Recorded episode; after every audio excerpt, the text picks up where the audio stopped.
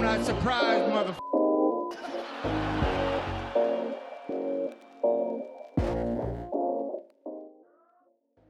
Nej men vad fan ska vi köra igång? Det känns fan kul det här. Ja. Äntligen. Är det, är det dags nu? Det är fan dags. Podd-dags. Äntligen. Fan, inte gjort det här på två månader. Jag har aldrig gjort det här. Jag tror det är två månader. Så, eh, fan vad kul. Kul också att du ville göra det här. Mm. Även fast du inte har någon jävla aning om vad du gör. Nej jag vet inte riktigt vad, vad jag pysslar med här. Nej men det är som jag sa till dig, det är så jävla skönt att För nu hade jag ju en break med podden och det är som att Det blev typ en break Som jag inte visste att jag faktiskt behövde. Mm. Förstår du vad jag menar? Mm. Vill du bara dra för gardinen lite för nu har jag solen så att jag inte ser dig. Så tack.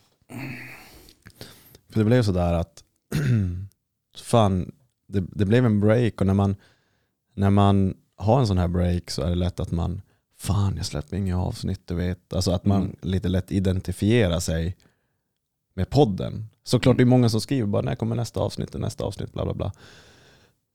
Eh, men egentligen, och sen, jag kan ta det egentligen, jag vet inte om vi pratade om det här, men, men för de som lyssnar, typ varför jag har varit borta också eh, i två och en halv månad är ju för att innan typ semesterperioden så, så hörde jag av mig till ungefär sex, sju gäster som är verkligen, ja, men som var ganska stora namn ändå.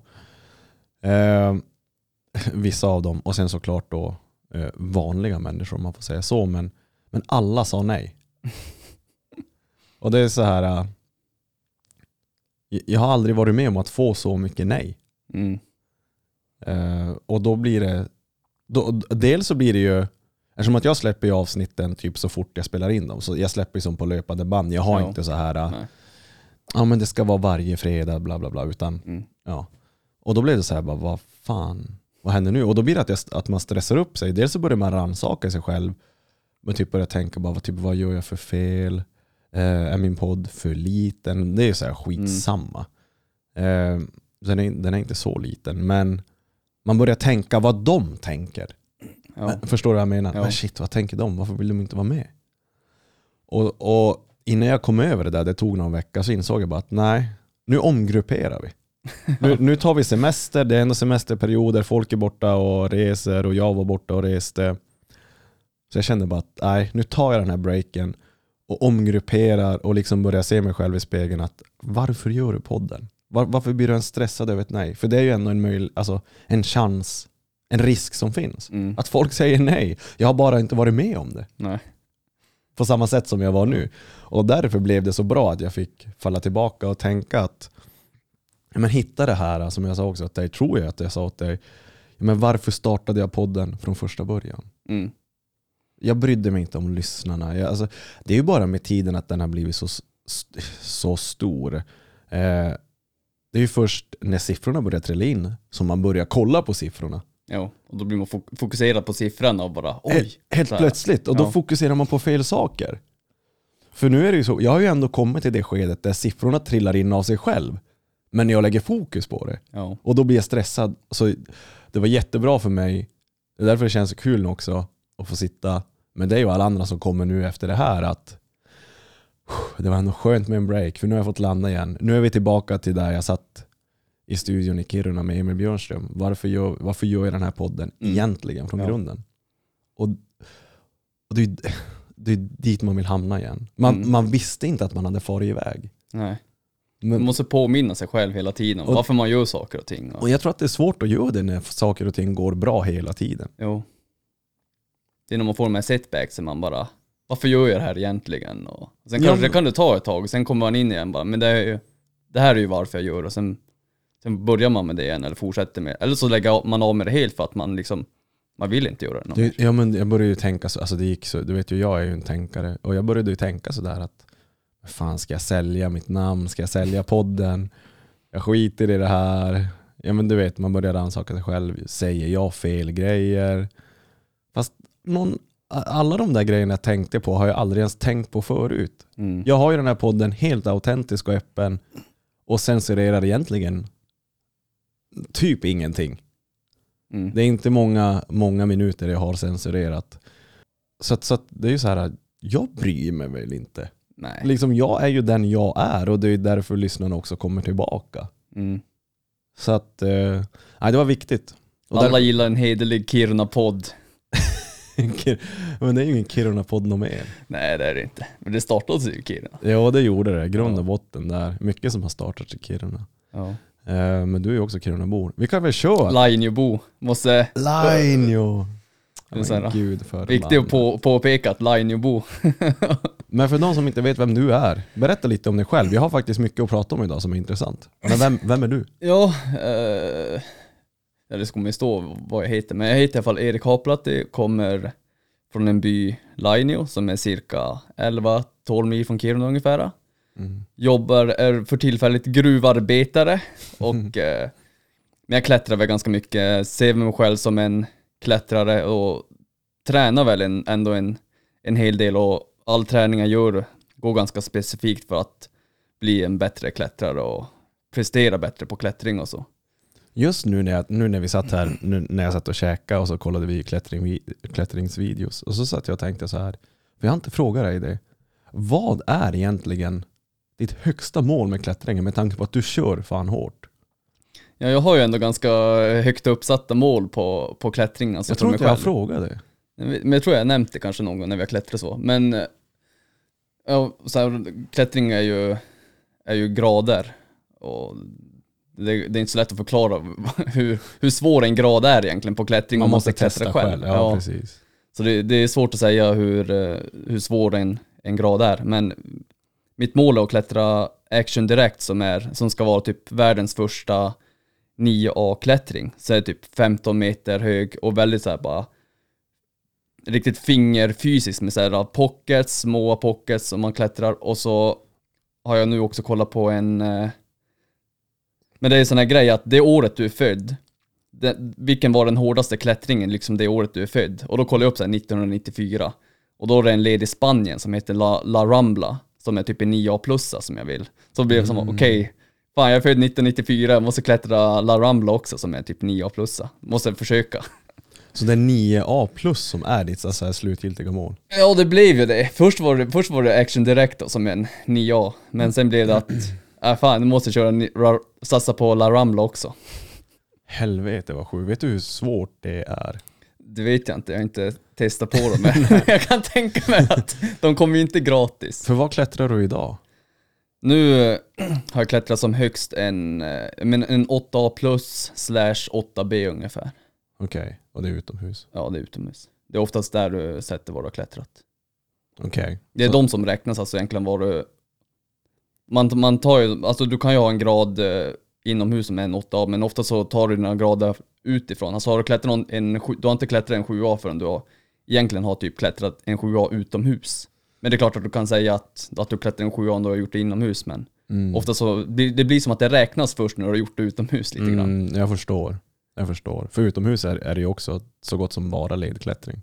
Ja, eller nej, mycket bouldering är det. Det är väldigt Ja just det, ja, ja. bouldering också såklart. så stora, stora stenbumlingar. Mm. Men något jag tänker med dig, alltså jag vet inte, hur länge har vi känt varandra? Typ vi har väl vetat varandra vilka vi är typ Jo, många måste- år men Ja. det är väl när, I början på det här året. Ish. ja, typ, ja men typ när jag flyttade till Luleå förra året, Ja. första oktober. Och sen dess har vi bara kört på. Ja. Ehm, men det något jag tänker med dig, eftersom att du är så fascinerande människa. Eh, vi kommer in på det. Men vart, vart har, du- du har ju som inte alltid varit den här typ renlevnadsmänniskan. Nej. Det är alltså liksom, jag menar, du säger du, du kommer från Line och den lilla byn. Alltså hur, hur är liksom uppväxten, eller bodde du där liksom? Uppväxte du upp ute i Line? Jo, jag växte upp där. då. Eh, Går det att växa upp där ute? Det går, det Alltså, går, alltså så här, skola och... det går att leva i Lainio. Nej men det, skolan var ju i, i Vittangi. Det är fyra mil in. Ja, just det. Ja. Så det blev ju, då åker ju buss, enkelväg fyra mil och sen åker hem fyra mil. Till ett, ja men från dagis sex år så till nian. Och sen är gymnasiet i Kiruna. Det var först då du kom till Kiruna? Ja. Åh helvete. Och växa Yes. upp i en by sådär. Ja. Det, är ju typ, det var ju inte så många ungdomar där heller. Det var jag, Johan och Christian ungefär. Större delen, tre pers. Tre pers.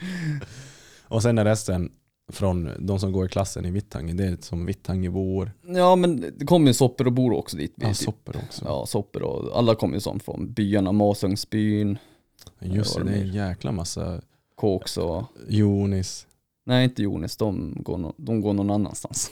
Jonis Wando. Ja, Det är ju typ där i, är inte Pajala i närheten av det där också? jo säkert. Men jag vet inte, jag har ingen koll på det där området. Du känner bara till Lainio Jag känner till Lainio, och, och Vitange. Vitange, ja. Vittangi, ja ja. Men liksom vad kan du ta med dig? För jag vill ju typ veta vad fick dig att bli den Erik du är idag? För, och då är det så intressant att höra, men hur var det när du växte upp där ute? Liksom, ja, du har ju ändå haft turen att växa upp utan telefon. Ja, Nokia 3310 på sin höjd. Mm.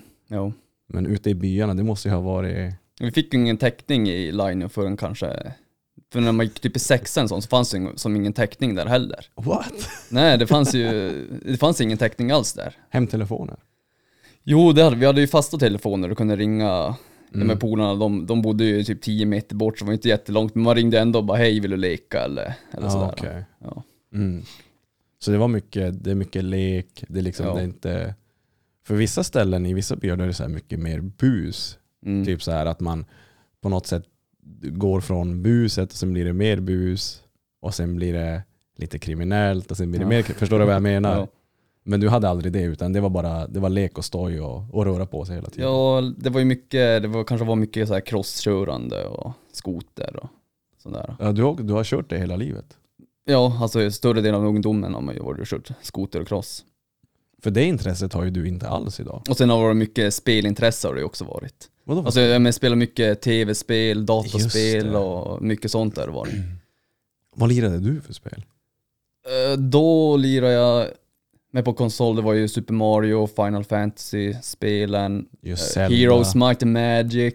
Alltså Zelda. mina, mina bröder har ju varit verk, verkligen såhär fa- fantasy-frälsta människor. De har ju hakat på efter sina bröder och spelat och, och Just mycket sådana det. här fighting-spel du vet, som är mot varandra och Mario Kart och mycket sånt. Just det, ja fy fan. Vilken golden era. Vi hade ju såhär i, i, i familjen, eh, min, men mina föräldrar, mamma och pappa då, de ville ju inte att, att man bara skulle sitta och spela, så vi hade typ i många år så hade vi så här att ska du spela en timme så måste du vara utomhus en timme. Ja. Så vi hade så här, alltså mamma och de har ju verkligen kämpat med att, att få, få oss ut där. Hon gjorde så här att, ja men cyklar ni typ till City som var fem kilometer så får ni spela en timme. Så vi hade mycket sådana här triathlongrejer så skulle man bocka för en ruta och det. Så men jag och min brorsa vi brukade bara, okej du cyklar dit, jag cyklar dit, vi skrev in båda våra namn. Så vi teamworkade för att få ihop de här speltimmarna. Och någon gång i vintern då tog vi så här tog ut skidorna för att, för att vi ville få ihop så här mycket speltimmar. Så får vi ut till typ en liten stuga någonstans där ute. Och så satt vi där och spelade, vad heter det, fyra i rad i typ fyra, fem timmar. Så att vi, vi var typ där minus 10-15 minus och så här. Satt vi i en kall stuga, påklädda, spelade så här fyra i rad i fyra, fem timmar för då visste vi att oj, oj, imorgon då kan vi sitta och spela typ fyra, fem timmar, nu har vi fått speltid. Åh helvete, just det, jag minns att jag också hade sådär typ Ja. att eftersom att vi är, vi är tre syskon, syrran är ju fem år yngre men hon spelade väl inte så mycket vad jag minns. Men jag och brorsan det var ju sådär, det var en timme var. Mm, Och det var jävlar inte en minut till. nej.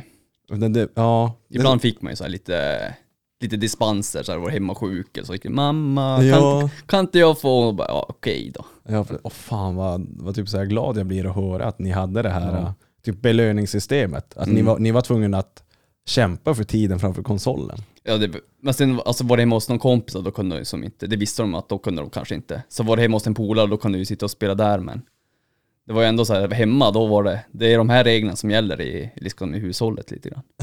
Så jävla häftigt. Men det blir som att man får en liten nostalgitripp och bara Ja. jäklar vad bra. ja, jag tycker det har varit jättebra alltså.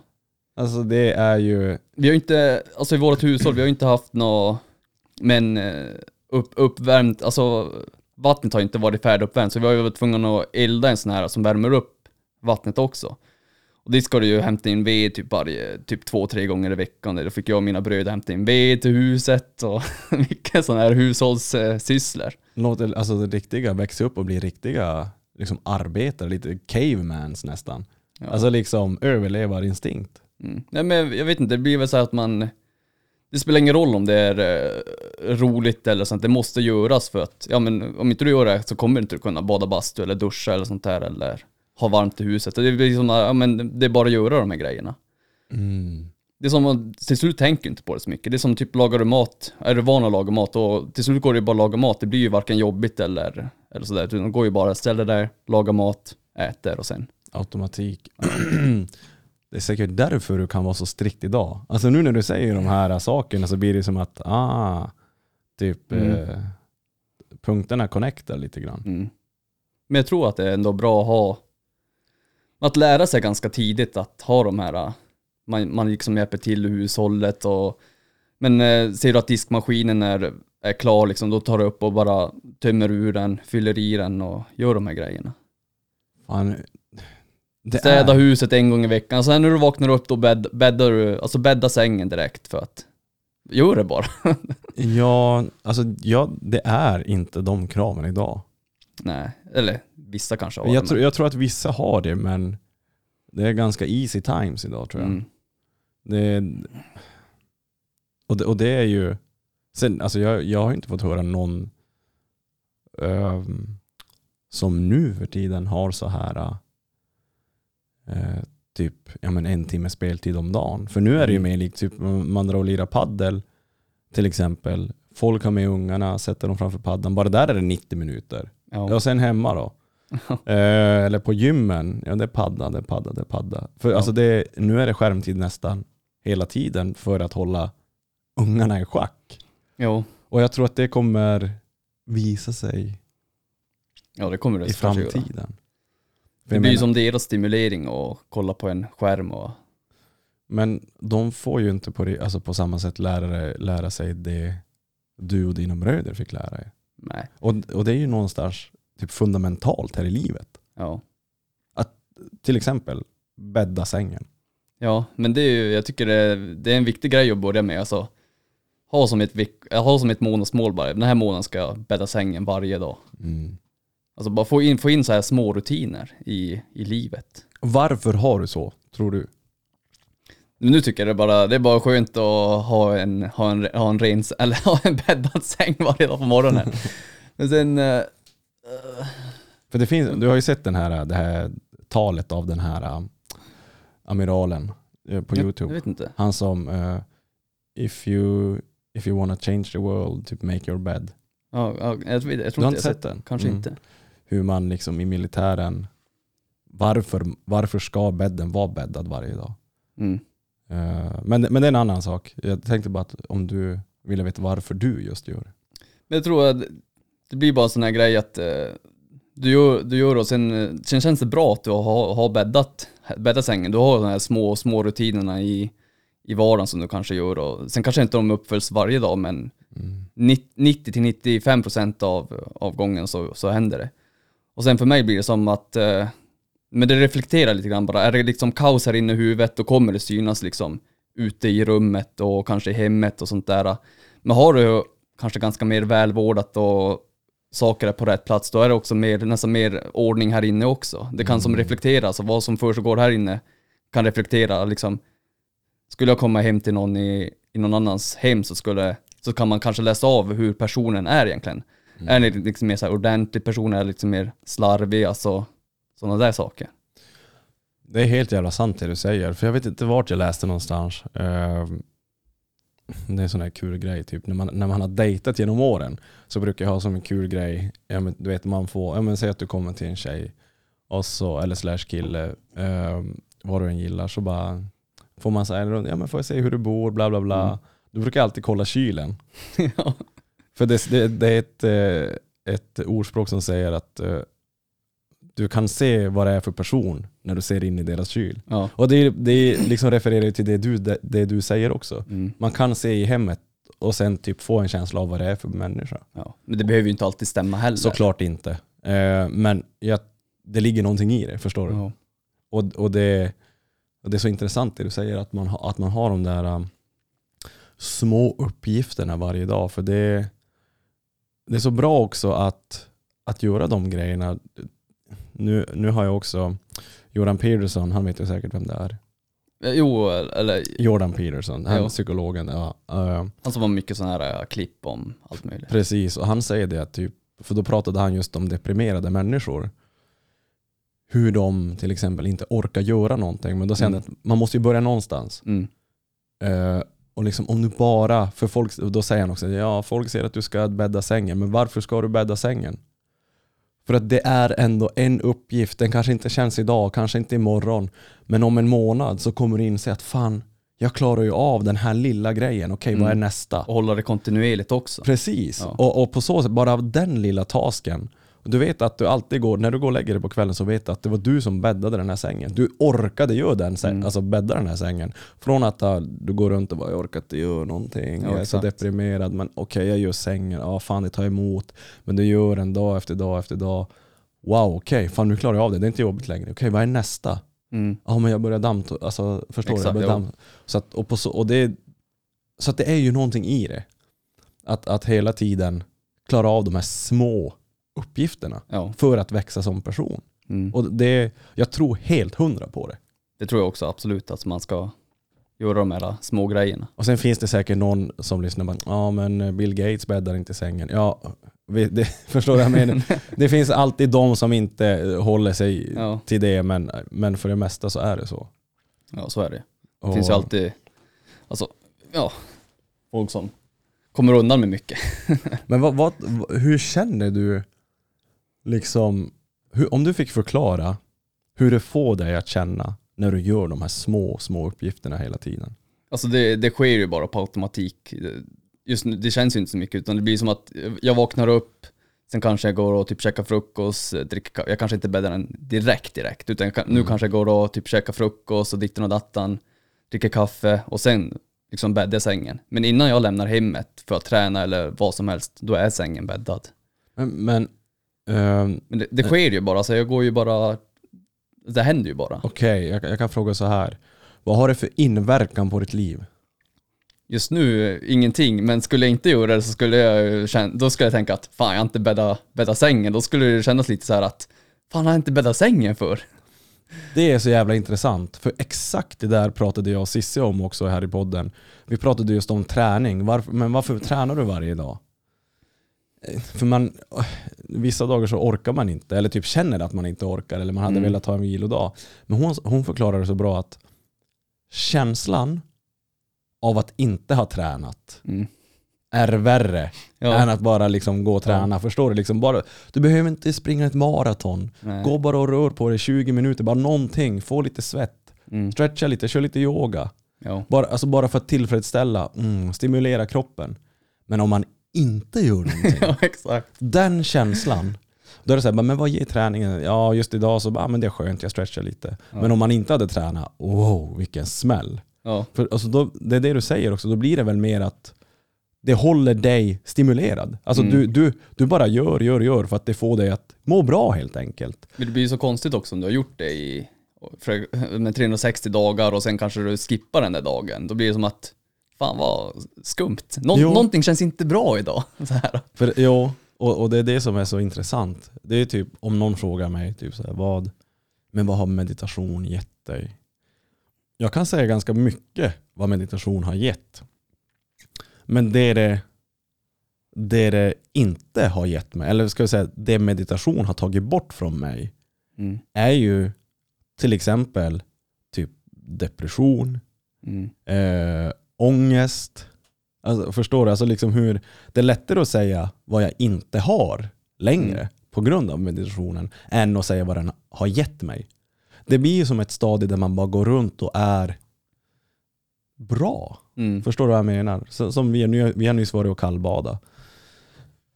Jag känner ändå att jag håller på att värma sig upp lite grann. Man är lite såhär småkallen. Jo men det är skönt. Och det är ju så här att vi gör ju det för att, men förstår du, känslan av att inte ha gjort det Mm. är värre.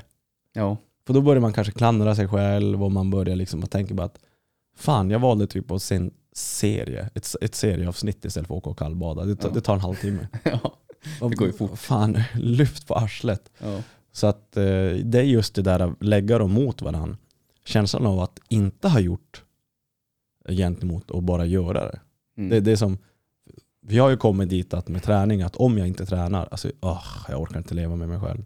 Men sen, sen skaffa de här lite små, men så här orkar inte gå och kallbada. Skaffa lite motivation typ att okej, nu åker jag kallbadar och sen, sen på vägen hem då köper jag liksom en 200 gram chokladkaka eller någonting och sen går jag och kollar serier igen. Då får, på det sättet kommer du ändå ut och kallbadar. Och sen köper du den där som en, ja men lite belöning kan man ju säga, sånt där. Det Ja. behöver inte vara, men då kanske du bara, och sen tänk inte så mycket på det utan bara agera direkt. Alltså jag bara, nu gör jag det, inte så här bara att, nej men gör det om en timme eller två timmar utan, okej nu åker jag kallbadar, sen, sen på tillbakavägen köpa 200 gram choklad och bara gå, kliva upp och packa väskan och bara åka iväg. Mm. Alltså direkt, håll inte på att fundera så mycket över det. Och så är det egentligen med allt du gör. Ja. Allt som är jobbigt egentligen.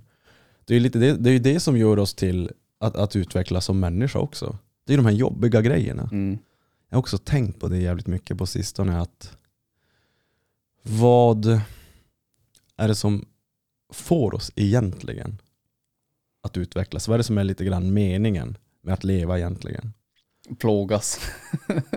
Men det, det, tråkiga, det tråkiga är att det är sant. Ja, men jag tror lite grann att han ska vara ständigt plågad. Nej, men det är klart att du ska ha kul också. Jag tycker inte kallbad, visst det är ju jobbigt med kallbad, men samtidigt så gillar jag ju det också. Det är för att vi vet vad det ger oss. Ja, Alltså det är ju lite grann, sen är ju du och jag kanske lite mer extrema än, eh, i, alltså vad säger man? En, det är inte så många som gillar, kallbad. Nej men det är, grejen är det att, som att vi, vi gillar att lida lite grann. Ja, Och det är väl kanske lite extremt att säga så men jag menar vi får och kallbadar när det är 30 minus. ja, Och det, det är ju inte kul. Men bara grejen att, för vi pratade om det här om dagen grejen av att vi faktiskt har klarat av det. Förstår, kommer du ihåg när vi pratade Mm. om det, det här att, säger att du får och, och, och kallbadar när det är minus 30. mm, Tänk dig den dagen när jag hör av mig bara, Erik, minus 10 idag, lite sol. mm. Du kommer ju känna bara, fy fan. Easy. Easy! Det blir ju att om du alltid kallbadar när det är minus 10, då är det den värsta graden och det värsta du utstår hela tiden. Precis. Men gör du liksom, har du ett snitt på kanske minus 20, minus 22 och sånt där, då är ju minus 10, minus 15 inte så jobbigt. Mm. Kommer du liksom sen upp och gör det två, tre gånger på minus 30, då är ju minus 10, det är ju typ en sommardag för dig att vara ute och kallbada. För kommer du ihåg att vi pratade om det, alltså liksom där vi sätter gränser. Ju mer du pushar gränserna, desto lättare blir, var din, säg att din tidigare maskgräns har varit minus 10, Mm. sen pushar du upp den till minus 30, då är ju minus 10, det är ju så lätt effort. Mm. Att du st- ständigt pushar de här gränserna, för då blir det som har varit det tyngsta bara, oj vad lätt det är. Mm.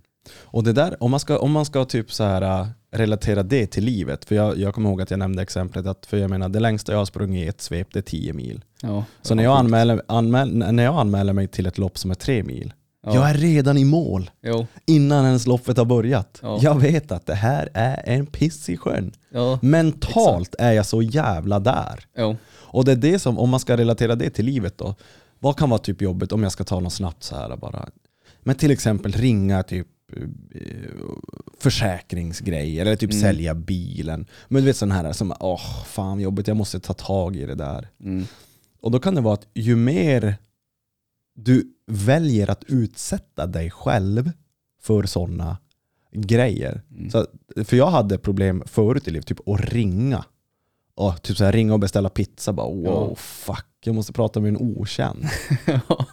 Och så sitter jag här och har en podd. Men, men så kunde jag känna, för jag är, jag fakt- förstår. jag är faktiskt väldigt folkskygg egentligen. Ja. Men just bara en sån där grej att men ringa och göra ärenden. Mm. Men då gav jag mig fan på att okej, men nu ska jag, då skriver jag ner här, där, inom de här två dagarna så ska du ha ringt det här samtalet. Liksom, och skriv ner det, gör det självklart och, och liksom sätt inget krav på hur det går utan gör det bara. Mm. Och på så sätt växer man ju också i det här tråkiga vardagen. Exakt. Förstår vad jag menar? Och, och, och det är det som är, nu eh, refererar vi till sport och, och kallbad och sådär men Men jag tycker kom, alltså det, du kan få in det i verkliga livet väldigt bra också. ja, För att, men säg att du går isbader, du, du skjuter dina stresshormoner och allting liksom upp i rymden. Alltså din, din kropp går ju liksom in i maxstressläge. Och när du, när du kliver upp därifrån, det är som att du har överlevt en jävla björnattack eller någonting. Jag vet inte vad man ska förklara.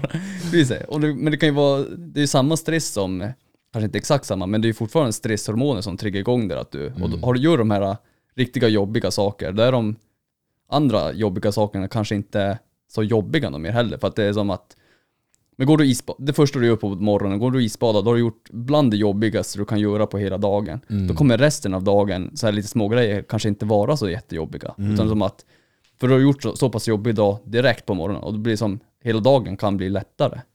Så är det ja, om man nu väljer, ja precis. Men, men om du får säga då, för du är ändå jävligt klok på det stadiet, att, men säg att om du har en, en person som inte typ tar tag i de här måste-grejerna i vardagen, Mm. som inte kallbadar och inte tränar så mycket. Hur skulle man kunna, hur skulle man kunna utmana sig själv utan träning och kallbad? Har du tänkt på det? Jag tror att alltså bara börja med de här små grejerna, alltså, det- måste ju vara- bero på hur personen ser ut men börja riktigt, alltså riktigt litet, som att man börjar bädda sängen Mm. helt enkelt bara. Gör det här i en månads eller två veckors tid, och sen bara kollar hur det gått, sen kanske börja med sådana andra grejer, liksom, hur, hur sover personen, hur äter personen? För det beror på hur personen mår också. Sömn och hur, det. hur du äter har ju stor påverkan av det Mm. och social och träning och hur aktiv personen också är. Något jag har tagit med mina klienter, det är alltså planering är A och O. Jag Ja. blivit helt frälst i planering. Och, och ju mer du skriver ner, ju mer medveten blir du. Och Det Mm. här har vi också pratat om förut. Liksom att det kan vara vad som helst. Säg att du vill gå ner i vikt. Skriv ner allt du äter. Det måste du nästan göra. Ja. För att Skriv, veta. skriv ner. Du behöver inte räkna kalorier. Mm. eh, utan lägg upp bara, ät vanlig husmanskost, men skriv ner allt du Mm. äter. Och på så sätt så kommer du få en bild framför dig. Okej, nu blir det lättare att planera här. Eh, samma med typ, vad ska man ta? Om man har ja, men, småbarnsförälder, skriv upp typ, planera. Eh, vad ska man ta? Fan vad dålig jag är på att komma på exempel så här på, från luften. Men till exempel om- man är ett par, man, man, har, man är ett par, man har två barn. Eh, att planera, om man, ska, om man ska slippa typ allt tjafs, allt jävla Mm. gorm, allt typ Ha- så här, mitt, allt, för att slippa det här mitt liv är så stressigt Ja. livet, för att slippa det, då måste man planera. Ja, men Mm. hur gör man då? Ja, men skriv ner vem fan som hämtar från dagis. Skriv Ja. ner vem som hämtar från skolan. Skriv ner vem som kör till träningar. Och, för då har du ju fått upp familjeplaneringen. Men sen tycker jag också man ska ha en planering för sig själv. Man Mm. får ju som inte förlora sig själv in i familje... Nej. Nu har ju inte jag någon familj eller barn och sånt, men jag tycker ändå att det är viktigt att du får, säg att du kanske får en eller, kan, kan du få en eller två timmar för dig själv en Mm. gång i veckan, så kan det vara en ganska viktig tid ändå, att du får, nu vill jag göra någonting, nu kan jag förstå att det kanske inte alltid passar in så bra, men jag kan inte riktigt relatera, men jag tror ändå att det, det är viktigt att det är lite så. Jo men det, så är det. Jag skulle typ vilja säga en timme om dagen, men det kan vara mycket för vissa i början. Men till exempel, och det kan vara så små grejer, typ meditera, läsa Ja. någonting. Men bara någonting där man liksom lite grann pratar med sig själv. Mm. Lite grann hittar sitt inre. För det, samhället ser inte ut så idag. Majoriteten, jag tror inte många skulle kunna svara på vem är du egentligen? För, för livet handlar ju om, och det har jag också tänkt på mycket nyligen, att vart, varför tror alla att livet ska vara så jävla bra? det Va, var, var, vem har sagt åt oss att livet alltid ska vara bra och lyckligt och solsken? Vem, vem har, vart har vi fått det ifrån? Men det är för att människor? allting är ju så bra runt omkring oss hela tiden. Skulle du fråga någon på ICA hur de mår så mår de ju fantastiskt. De har aldrig mått bättre. Liksom. Kollar du på någon social media så, så har, lever de värsta glamorösa livet och reser 53 länder om året och, och sådär ungefär. Ja, och, och då är det så här också att, för, och så fort det går, för en sån människa, så fort det går lite motigt, då börjar Mm. man klaga, man börjar skylla på alla andra. Man tänker att så här ska livet inte vara. Men vad trodde du livet skulle vara? Om du, alltså, förstår du Ja. vad jag menar? Vem är det som har sagt att det ska vara bra hela tiden? Det är bara bra att det inte är bra hela tiden. Ja, det kan ju inte vara bra hela tiden. Hur ska man veta att det är bra om det är bra hela tiden? Vad kommer få dig att växa? Vad pratade vi om nyss? Lida. Ja, li lidelse. Men lidelse, det låter så hårt men det är, det är sant. In i, in i tortyrkammaren en vecka så kommer du må bra sen. Åh, Nej. fy fan. eh, Tortyrkammaren i en vecka. Alltså jag fick lära mig mer om mig själv ehm, i elitstyrkan i TV4 när jag var med där. Jag var, jag var inne i ja, tv-inspelningen var inne i drygt 48 timmar. Tror jag lite mer. Inför dag tre där. Eh, men alltså på två dagar lärde jag mig mer om mig själv än Mm. Ah. Alltså förstår du, när vi lider, Ja. när, när det handlar lite grann om att, nu är det ju extrema situationer men, och förhållanden, men när vi hamnar i, i en sits där det, vi har inte något annat val än att vara stark. Än att överleva. Än att, vi har inget annat val. Det är fight or flight. Ja. Och när vi hamnar i en sån situation, uff, det är då vi får reda på vem fan vi är.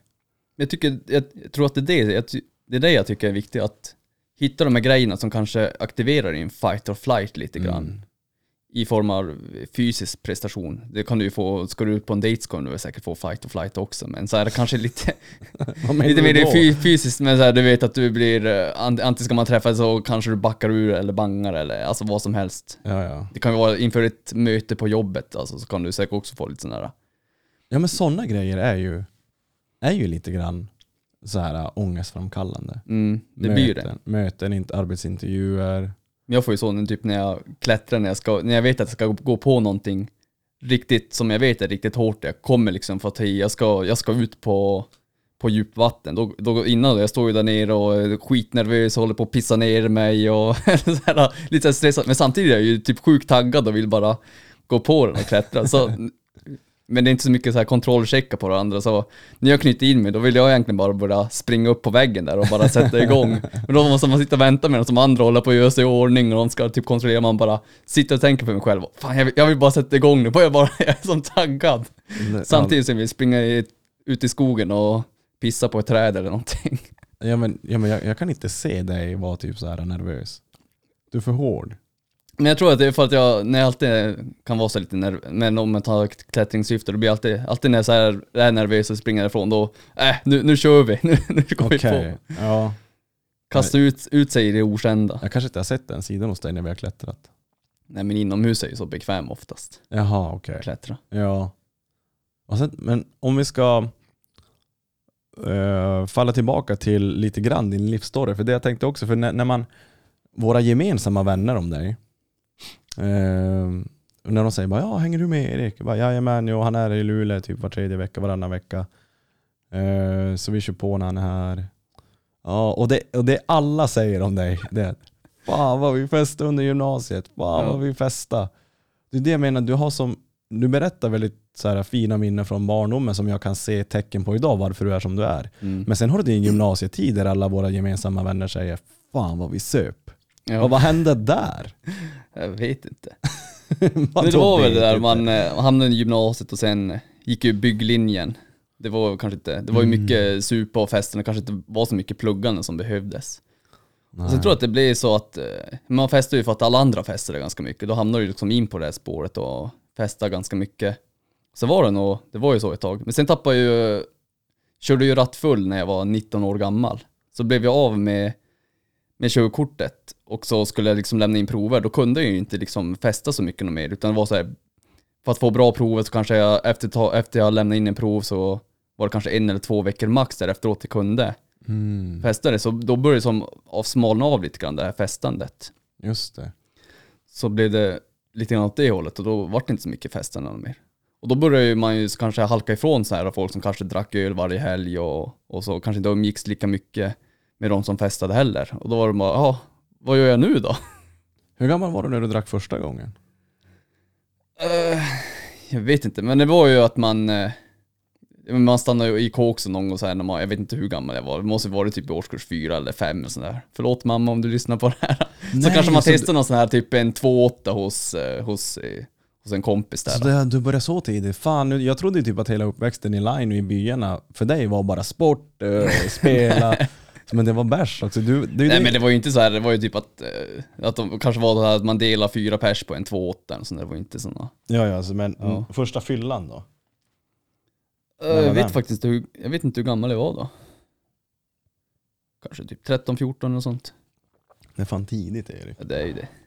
För det var det jag menade när jag sa där i början också om byarna. Att Mm. Men vissa börjar snusa när de är typ åtta bast eller någonting. Ja. Ja men du vet sådär. Jo. Okej men då har du ändå, ändå det. Men, men vad fan. För när du, vad, vad gjorde du under gymnasiet förutom att festa då? Liksom, hade du den här träningsbiten?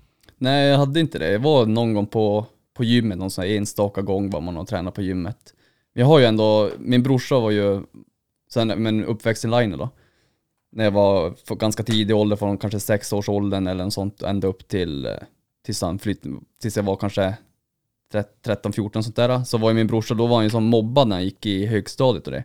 Och då började han liksom göra lite armhävningar, sit-ups och då hakade jag och min andra bror också på, på det. Så då Mm. hade vi ändå så lite hemmaträning under, under våran uppväxt. Sen var det inte så mycket i gymnasiet, det kanske var skidor någon enstaka gång och sådär. Men det var inte så mycket mer än det. Sen vet jag inte det exakt årtalet, men då var det var kanske jag var 22, 21, 22 år gammal. Då frågade, då hade min syster och mamma gjort så här svensk klassiker Mm. i året innan och då frågade min pappa bara, ska vi också göra en svensk klassiker? Så jag bara, ja ja, vi kör väl. Och då började det bli att man tränar mer för liksom de här loppen. Mm. Där Det är ju Vasaloppet som är 9 mil och så är det Vätternrundan som är 30 mil cykling, 3 kilometer simning och 3 mil löpning på Lidingöloppet. Lidingöloppet. Ja. Ja. Och då blev det som att de tränar mer mot de grejerna. Och då blev jag ju mer aktiv för att jag var tvungen att träna mot det. Just det, men vad, okej. Eftersom att eh, jag, jag åkte ju dit för droger att fylla, men du åkte dit för rattfylla. Hur, fan, Rattfylla. hur tog du det? Vad hände i livet liksom? Vad, hur slog det dig? Men det var ju, jag gick ju tredje året på gymnasiet, så det här var ju precis innan jag typ skulle ta studenten i mars. Tror jag det var. Så, så åkte jag dit för rattfylla, det var ju precis, man skulle ut på arbetsmarknaden och och du kortet och det känns som att fan, jag, nu, hur ska jag nu få jobb? Jag har ju typ inget körkort och sånt där. Du kan ju ändå få arbetsplats. Jag hamnade ju till slut på Scandic Ferry, men då blev det som att ja, jag kunde inte jobba på typ Peab och några andra ställen och det kändes som att det, det hade ju kanske gått, men det kändes som att nu blir det svårt att få jobb Mm. var på en arbetsintervju då till LKAB men eh, de tog ju inte in mig för jag hade ju ingen som ingen körkort där heller. Och då Nej. kändes det som bara, fan vad ska jag nu göra? Då blev man ju, man fick en liten så här down dip då också. Mm. För att det var som att, jaha, nu då? Varför körde du full? Det var dagen efter. Så, Var det det? ja det var, det, var, det var dagen efter. Min, eh, min syster skulle till, eh, åka iväg med flygplanet och åka iväg med flyget och då skulle jag låna hennes bil. Så då, då åkte jag med min syster till flyget Körde hem bilen. Och sen körde jag hem bilen. Och vet inte, jag, hon ringde ju mig typ ganska många gånger, så hoppade in i bilen. Och sen satt jag där typ bara halvsov, sen hoppade in och körde därifrån, sen körde in i en rondell. Alltså väja rondellen? Alltså, rakt in i rondellen. Somnade du eller? Men jag var nog lite, jag var ju lite dåsig var jag ju. Jag, Vad- jag vad tror jag var- hade, det här var nio, nej tio på morgonen kanske. Så, för jag körde in i rondellen. Men jag var så lite, lite hög hastighet och sen var det vinterväglag. Det var ju ganska lång så här bromssträcka Ah, okej. Ja. Och din reaktionsförmåga är inte så bra när du är full och då var det som bara Jävla en rondell! Och sen bara typ tvärnitar och så rakt in i rondellen. Vad blåste du när de tog dig? Då blåste jag, tror det var 1,2. Dagen efter? Ja, eh, det var, det var någon sån, 1,2 eller något sånt där. Det var en blöt kväll. Ja minst sagt. Men jag har ju inte så mycket minnen från mina, ofta sådana där fester jag var ute och druckit och sånt där. För ofta så dricker jag mig ganska full. Och så, så jag kommer inte ihåg så mycket av gångerna jag har varit full. Oh. Shit. Så jag har inte jättemycket. Men alla sådana här historier om vi fulla som att ja, fast jag har inte så mycket min, minnen av den tiden alltså egentligen. För att jag var alltid ganska, när jag drack var jag alltid ganska packad också. Mm. Tror du att du drack så pass mycket? I och för sig, om man inte typ har festat i Kiruna och hängt med liksom, ja, men speciellt bybor, Mm. alltså det är, det är hårt, det är hårt supande. Så, Jo. alltså du, man har ju aldrig varit, typ, jag har varit på något bröllop i Malmö, man har varit och festat med de som vi gjorde elitstyrka med, och de alla är ju från södra Sverige. Det, det är nog ingen som kan dricka så som man gör i Kiruna. Det, är- det, är mycket, det kan ju vara mycket alkohol alltså. Och det... Ja men jävlar, varför drack du så mycket tror du? Förutom då att du hängde med de uh, umgängena. Men jag vet inte, det blev väl bara att man, man ständigt drack och söp söp i sig Jag, jag tänker, faktiskt. du hade ingenting, jag förstår att man vill ha kul, man har så här superperioder, det har även- ändå jag Ja. också haft.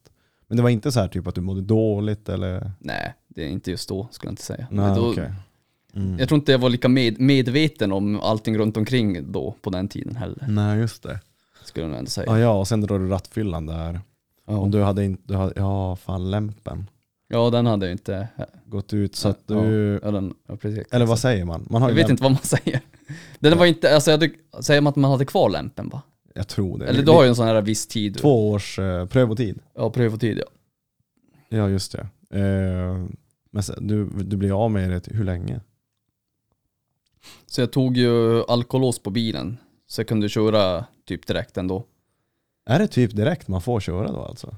Men så här, jag, det här var i mars, så jag fick domstolsbeslutet typ i november först. Så jag hade ju fortfarande kvar körkortet i november innan jag hade domstolsbeslutet. Så det var som att, ja, jag åker dit för att fylla, sen hade jag fortfarande kvar det i november. Då var det bara, ja nu ska du dit. Och sen december tror jag hade alkolås på bilen. Alltså du fick köra från mars till november? Ja, ja, inga problem. Ja okej. Ja. Okej hur fan tänkte de där? Jag ja, vet ja. inte, det var ju sommaruppehåll och innan det var dömande och allt det där. Uh, Alright. Okej, vad- men vad, är det inte svindyrt att sätta alkolås på bilen? Ja, alkolåset kostar väl, alltså jag vet, då tror jag var 20 000 kanske. Nej. Eller var det 27 000? Jag vet inte riktigt. Nej, jag vet inte heller. Och sen då, då måste du, hur länge var du tvungen att ha det? Den var jag tvungen att ha i två år och samtidigt Två år, och samtidigt med det gjorde jag så här prover. För du pissar och, och så här blodprover, leverprover och piss, pissprover och sånt där droger. Till Transportstyrelsen. Ja, som du skickar in, så du åker in och lämnar sådana här prover ett par gånger per år i två års tid. Och sen efter det så tar de bort alkolåset för mig. Och sen var det 18 månader till att jag skulle lämna prover efter att de tagit bort alkolåset. Och det är du som måste pröjsa för de Det är jag som måste pröjsa. Och det är typ tusen spänn per prova. Då, de höjde precis i slutet. Så innan Ah. det var det, undrar var typ 550 spänn per provgång. Så gjorde du två prov och typ 1000 kronor. Och sen var det, jag tror det var de två, tre eller fyra sista proven jag lämnade, då var det 1250 per prov. Så sista var ju Ja. liksom, innan jag lämnade båda, då var det 2 500. Det var som Mm. bara, jävlar, fan vad skönt att jag snart är klar med det här. För det är verkligen så här 100% upphöjning på priserna. Ja jävlar. Men sjukt ändå. Jag som fick på papper drograttfull, jag var ju inte hög när jag körde bil, men det var ju kroppen. Men alltså fan, jag fick ju bara tillbaka körkortet efter ett år. Visst, jag fick ju såklart, jag jag var ju också uppe i domstol, men ja, jag fick ju böter på typ 25 000. Men jag hade 500 kronor i böter. hade du det? Ja, men jag tror det var det. Jag tror det var typ 500 spänn Fast böter. du, men du har ju fått betala det jävla alkolås Jo. i alla tester så att Det var inte gratis på så sätt. jävlar, kör inte full hörni. Men lär- inte din systers bil heller och krascha hennes bil. Ja, men det kanske bara försäkringarna täckte det kanske. Nej, inte om, jag vet inte hur det var, men jag tror inte om du är alkoholpåverkad. Just det. Så det var dyrt där också. Ja. Fast hon kanske var snäll och lät dig slippa undan där. ja vi, vi har nog, vi har snälla föräldrar. det var ju inte någon splitterny bil men. Ja ah, okej. Vi har, vi har väldigt stöttande föräldrar. Men jag vet att när, när jag ringde in och att, då hörde de att, att jag hade kört rattfull, då hörde att någon hade sagt mamma bara Helvetes jävla unge! Så här. Ja, men den har man ju fått vara med om. Men det Så det var inte bara rosor under den här tiden. Nej exakt. Men har du tänkt på det typ idag? Var du, när du ser tillbaka, var du, vad har du som lärt dig av det? För det är ett ganska grovt misstag. Ja men jag tycker ändå, eller att det var bra. För att det ändå blir som att jag var tvungen att, jag kan inte gå ut och dricka varje, varje helg. Och, Mm. Så jag har ändå sett det som att det ändå ganska positivt att, okej nu får jag liksom göra andra grejer. Och, Det- jag, jag tycker inte alltså i stort sett att det var något jättedåligt. Det var ändå samma att, ja ja. Nu, nu, nu har det här hänt, nu utgår vi från det och fortsätter härifrån. Så jag, jag tror jag börjar tänka på det ganska snabbt ändå. Så jävla bra att du tar det så, för det är lätt, för jag var ju lite så i början, när jag åkte fast att ja fuck the police, fan, folk ska- vill mig typ bara illa. Fast du behövde det här Pontus. Mm. Så, Alltså se det som en, det här är början på ett nytt kapitel.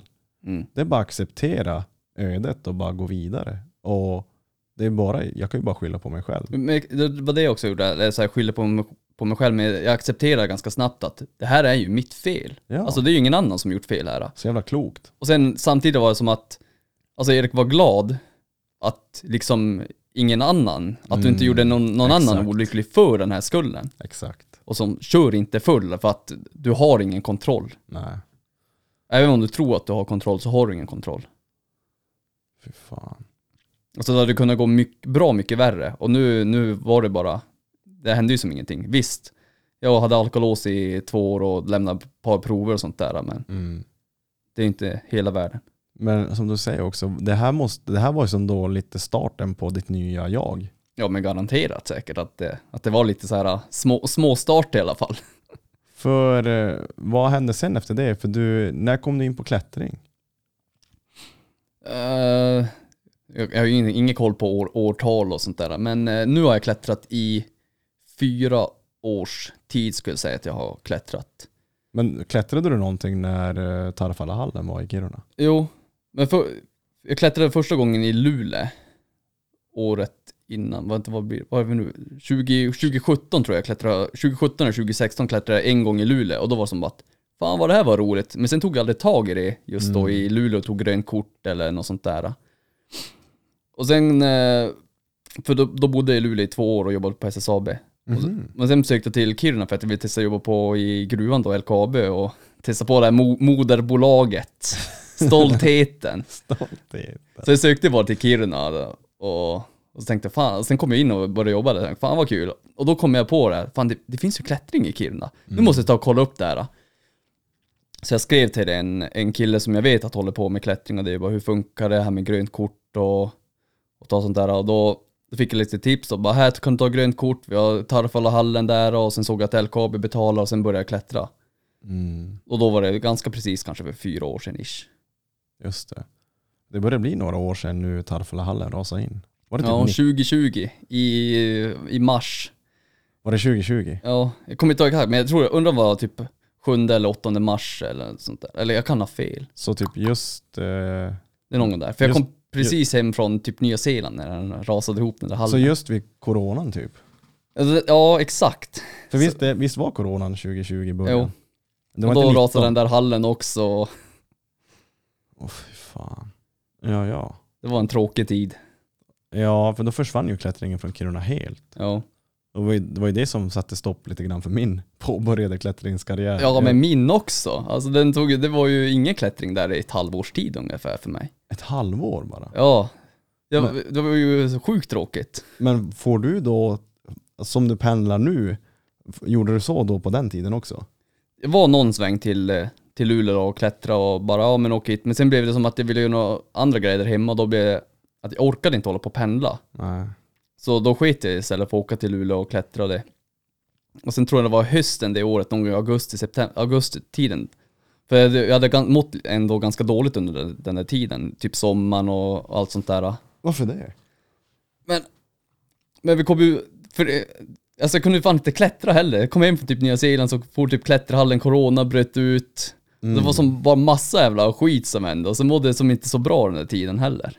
Mm. Det var, och sen började jag käka lite mer med ketogen kost, ganska mer seriöst. Jag var typ, kände inte att jag kanske fick så mycket energi så jag var ganska nedbruten där. Så jag var bara, jag var så påfrestad i hela kroppen på så många olika sätt. Och det enda som fanns var typ gymträning. Så jag bara, ja men då, då kör jag typ bara gym, kör gym. Och sen tyckte jag inte att det var kul att gymträna heller något mer. Så det var som att, men du vet man, man blev förslöjad och då blev det så här, vad fan ska jag nu göra? Vad tycker, alltså jag bara började fråga själv, vad tycker du är kul och vad ska du egentligen göra och, och så. Så pågick de tankarna ändå ett, ett ganska bra tag. Mm. Men när du mådde dåligt, var du typ deprimerad? Ja, då var, jag var faktiskt deprimerad då. Jag tror inte du, man förstår hur deprimerad man är förrän man börjar komma ut, ut från depressionerna. Nej, exakt.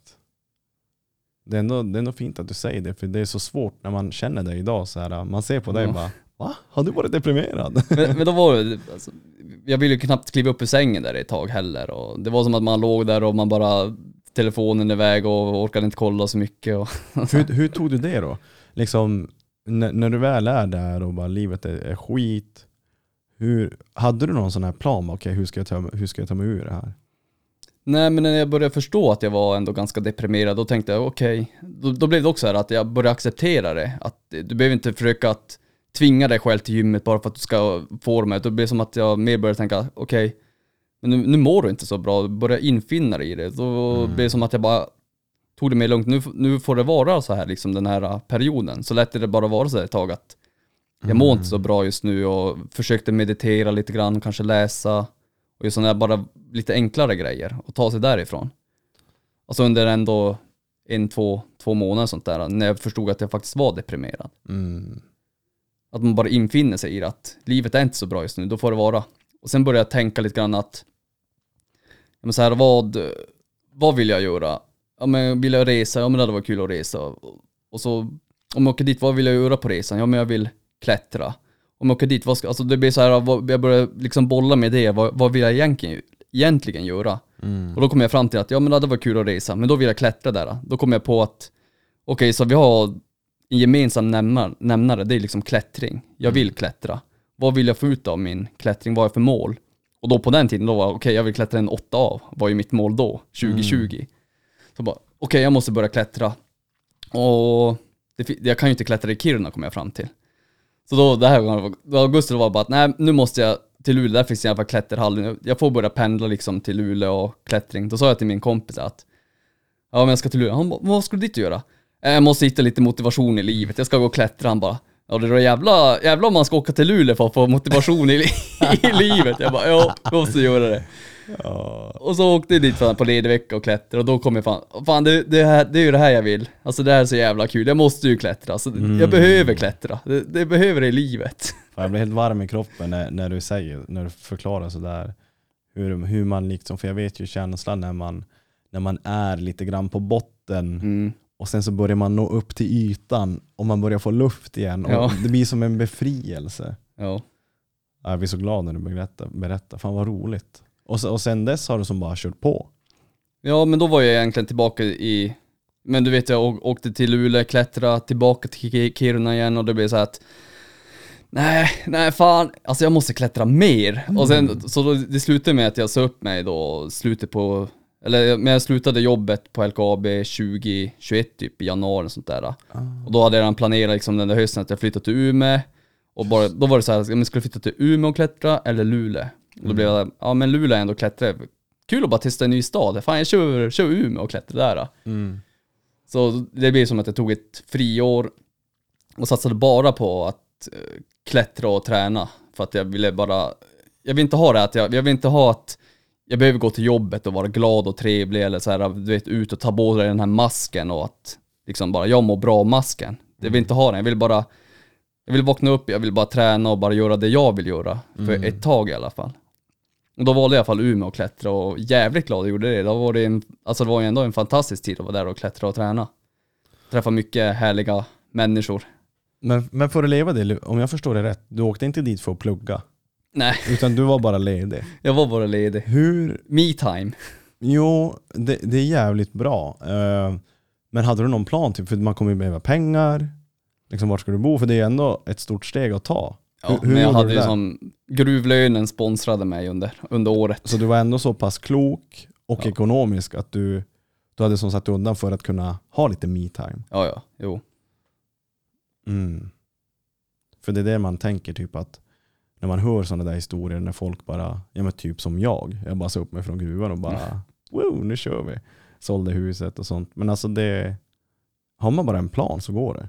Ja, ja. Det är inte så att man bara kastar sig ut med tre spänn på kontot och bara, Nej. äh, fan nu, nu kör vi. Utan, Det går ju alltså, om, om, om det krävs av det så kommer du ju Så kanske är det. lösa dig. jo, Lösa men, det. men har man bara en plan så går det att, att bryta sig lös ur the matrix. Mm. Liksom ekorrhjulet. Ekorrhjulet.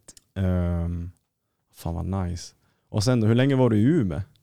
Men drygt ett, ett år, inte riktigt men nio, jag vet inte, åtta, nio månader kanske. Vad fick dig att vilja tillbaka till gruvan sen igen? För nu jobbar ju du i gruvan igen. Ja men så jag har ju ändå en del fingerskador och haft det ändå genom, genom åren. Mm. I snitt, eh, nu har jag igen fingerskador så jag har ju typ skadat mina fingrar typ en, en gång per år. Mm. Och då blir det som att jag kan ändå inte träna och ha liksom den kapaciteten ännu. Och kunna träna som jag vill. Så nu kommer jag, ja, men jag flytta tillbaka till Kiruna och kör där lite grann och sen, nu har jag bara blivit kvar där ett tag. Tills jag så jag sitter och funderar liksom var, vars jag ska härnäst samtidigt. Jag försöker säga åt dig, flytta till Luleå Erik på Ja, heltid. ja, Kör på heltid, jag behöver det här på se. heltid. Sitter ändå och spånar och fundera var, vars, man, vars man hamnar. Mm. Men du har, inte, du har ingen stress någonstans? Nej, men jag är lite inne på att eh, testa komma in på någon psykologutbildning, men jag kanske inte har de bästa gymnasiebetygen. Sen måste jag ju typ göra högskoleproven och sånt där, så jag vet inte när jag kommer in dit. Så det är om jag ska försöka komma in på någon psykologutbildning och sen dra iväg vidare till den då, vilken stad, för det finns ju inte i Kiruna eller Luleå. Eller. Det finns inte i Luleå? Nej, det är typ Umeå eller långt söder. Ah, okej. Eller om man ska försöka ta sig iväg till Tyskland eller Spanien och bo där, så jag har lite så här, får se var jag hamnar. Men jag är inte så här, jag är inte jättebråttom var jag hamnar, utan det blir som, när det är dags att nu, nu blir det här och sen följer man liksom det spåret. Mm. Kör liksom vart man får känslan till att hamna. Det är bra, jag behöver det här lite mer. Man behöver inte stressa sig ut i, ut i ställen och situationer heller, utan du kan ju, Nej, så är det. man kan ta det lite lugnt och andas och tänka igenom det lite, lite bättre. Ja, men så länge man inte vantrivs med den situation Mm. man är i, i för tillfället. Mm. Så som jag gjorde när jag flyttade hit. Liksom, det var ju bara, det, det är, antingen så hänger jag mig eller så flyttar jag. Jo. Och när man är där, då ser man som inte som någon annan utväg än att jag måste göra en förändring. Jag måste Ja. säga upp mig. Men det var ju så jag också hade då när jag Ja. bara, jag måste bara, jag måste klättra, jag måste klättra mer. Ja, det är, ja, det är så fint. Ja. Åh, fan vad nice. Men det, men det är ändå bra, då har jag en liten överblick av typ så här, varför du är som du är. Det, är- det är liksom, för när man, det är nog lätt att tro att man, att du är, du, för du är bra på allt. Du är stark, du är vältränad, poof, jävla muskelberg, bra på bra klättra liksom. det, det, jag är inte så bra på allt, men jag övar så jävla mycket på allting så det kanske ser, till slut ser det ut så. Ut så. jag kan inte stå på händer, men sen då, då, då, står jag på händer hemma typ 20 minuter varje dag i en månads tid och sen kan jag det. Så, så jag sitter bara och nöter saker och Det är ting. det som är med dig. Du har ju den här viljan och, och den här mentaliteten. Men det är därför det är så fint också att höra dig säga men du har gjort de här misstagen. Men kör i fyllan, du bara söp gymnasiet. Du, men förstår du, du har ändå fått ta några smällar och, Ja. och det är ju ändå någonting att resa sig ifrån. Du, du har ju inte valt de misstagen definiera dig. Nej. Och det är det som är så jävla bra. Jag, jag har alltid haft den här, äh, den här envisheten. Det, jag kommer ihåg sen typ, när jag var väldigt liten också så här, du vet. Alltså jag har alltid varit ga- väldigt envis av mig. Mm. Så är jag så här bestämd på någonting, då, då slutar jag typ inte. Jag kommer ihåg så här, ett minne med, man fick ju stryka till brorsan så här lite då och då och så. Och så, men ibland så kanske man sprang till mamma och grät, men det var ändå några gånger som, alltså han var ju mycket, han var ju sex år äldre än mig. Så det var ju som, jag gav mig aldrig. Jag fortsatte bara gå eller hålla på och så här kaxa mot honom och det, till slut slutade det med att han typ vissa tillfällen typ sprang in på toaletten och låste in sig för att jag gav aldrig, liksom, gav aldrig upp.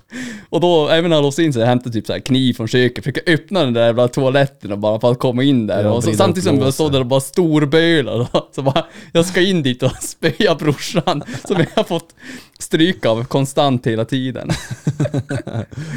Ettrig liten råtta. Men sen var, sen man var alltid mot mamma också, nu gör vi så här och bara, nej, tänker jag inte göra. Jag har som alltid varit ganska, men ganska envis hela tiden tror jag. Ja, på gott och ont. Ja. Ja, fan vad, fan vad bra. So call me a cynic, call me a bummer. I don't wanna be that way anymore. This life that I've been living, living without color, ain't a life worth living. Om du får förklara hur du lever idag. Om du skulle säga typ, hur ser en dag ut för dig?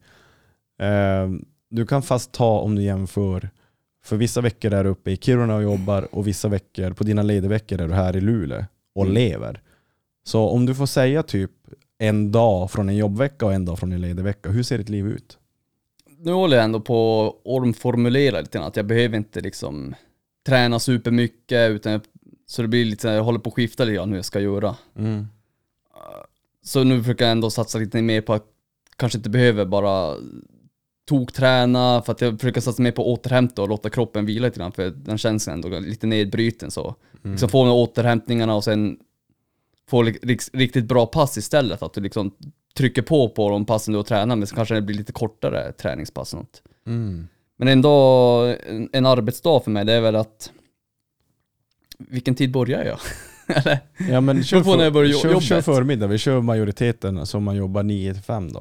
Och- 9 till 5. Ja, liksom, liksom från det du stiger upp har du några speciella morgonrutiner? Eh, liksom vad käkar du förstår du liksom så att man... Jag kan ta om jag börjar typ klockan sju. Mm. Så då vet jag ungefär vad jag brukar göra. Då brukar jag säga att jag börjar jobbet klockan sju. Då stiger jag upp eh, strax före fem. Brukar, brukar det bli att jag stiger upp strax före fem.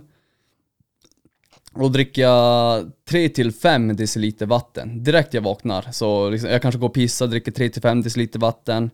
Sen tar jag på mig kläderna och sen går jag ut på en eh, morgonpromenad på kanske 5 till 10-12 minuter. Mm.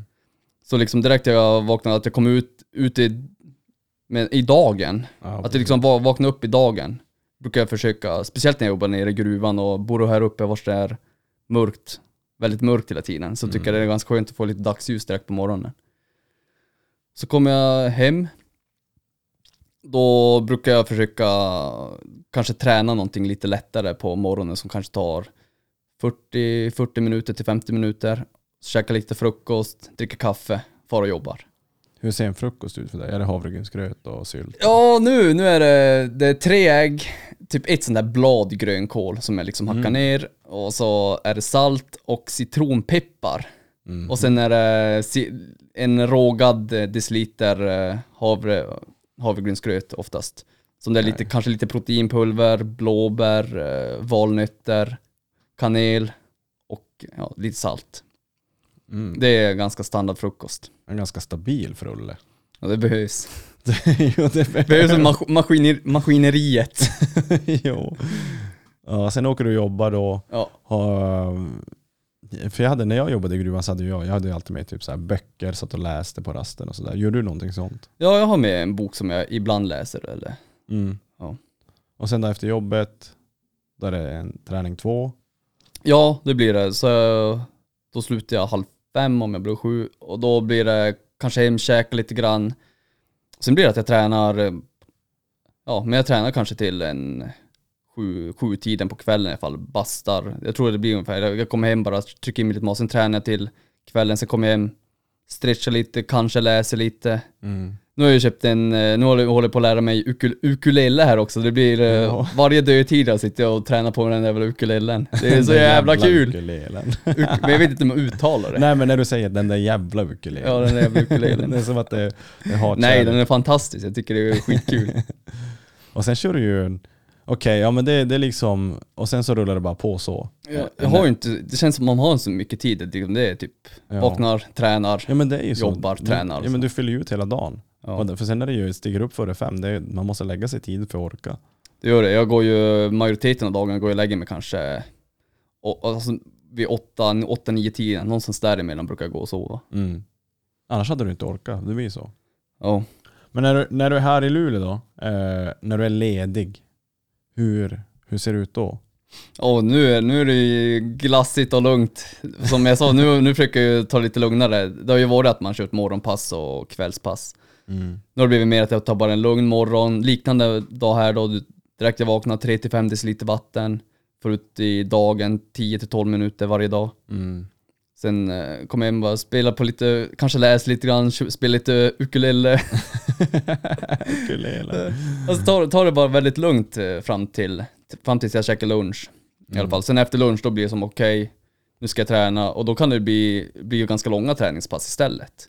Alltså, men, jag, men det tar liksom ganska lugnt tills att jag ska träna, som kanske jag får iväg och träna vid två, tre tiden.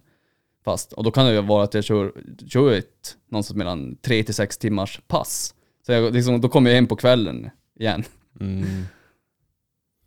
För sen, du håller ju på, för det som är roligt med dig också, du testar ju alltid nya saker och utmanar dig själv. Nu håller du på med ballett och den där ukulelen. Ja, jajamän.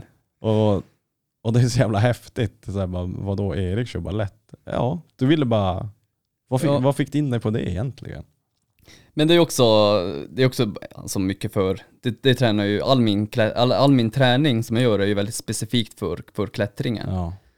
Och det jag får mest kritik för, jag har ju inget problem med kritik, jag kan gladeligen ta emot. Alltså så- säger någon till mig så tar det ändå ganska så här, jag lyssnar på vad de säger oftast. Sen, ja. Men då får jag alltid att, om Erik hade haft bättre fötter så hade han kanske kunnat klättra typ tre grader hårdare och sånt där. Jag får alltid bara, du har så jävla dåliga fötter och bara slippar med foten höger och vänster och att min, mitt fotarbete är inte så bra. Mm. Och nu har jag typ igen en fingerskada och eh, så tänkte jag att, men jag har ju börjat träna flexibilitet med coach också.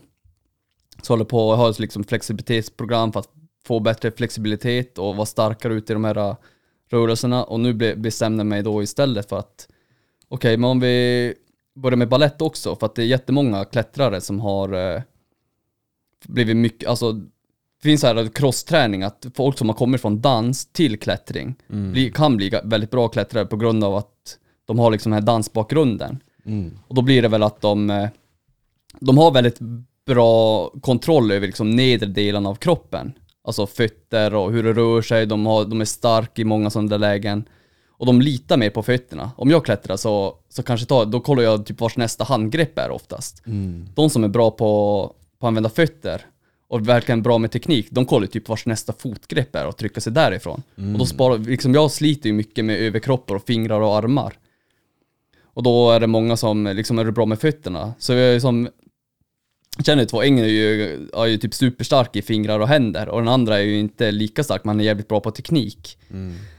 Och då är det ändå att det är sällan så här, det är sällan ena kan göra, alltså det är sällan Anton som är jävligt bra med teknik och med fötter och det. Och Simon som kanske är typ superstark. Det är sällan det hämnar Anton att göra ett flytt. Bara för att han är lite svagare fingrar, för han kan använda sina med ben och fötter, alltså benen och fötter mycket bättre. Så han kan ju fortfarande typ göra ett flytt. Det, det hindrar honom aldrig riktigt. Men däremot, för, säg Simon då till exempel, så för han kan ändå vara problem för han måste slita och dra, sen blir han trött istället. Han får inte liksom det där flowet, att det flyter. Så du kan ha mycket fördelar av att kunna använda händer och fötter. Och för mig är det ju... Det är inte, så lätt heller för att eh, jag är så... Alla mina signaler går ju liksom till överkroppen. Blir jag trött så blir jag slarv, så blir man ju slarvig i fötterna också. Du tappar tryck på dem och du måste... Klättring så här, det är inte så att du bara står på foten, utan du spänner ju. Det är som att stå på tå och sen spänner du liksom hela, hela vaden ut, liksom och hela vaden, alltså du spänner ut för att du, du står ju på så små fötter. Samtidigt så spänner du ut så, så drar du som in, drar in benet mot väggen, så du håller liksom inne, inne kroppen mot väggen på tån.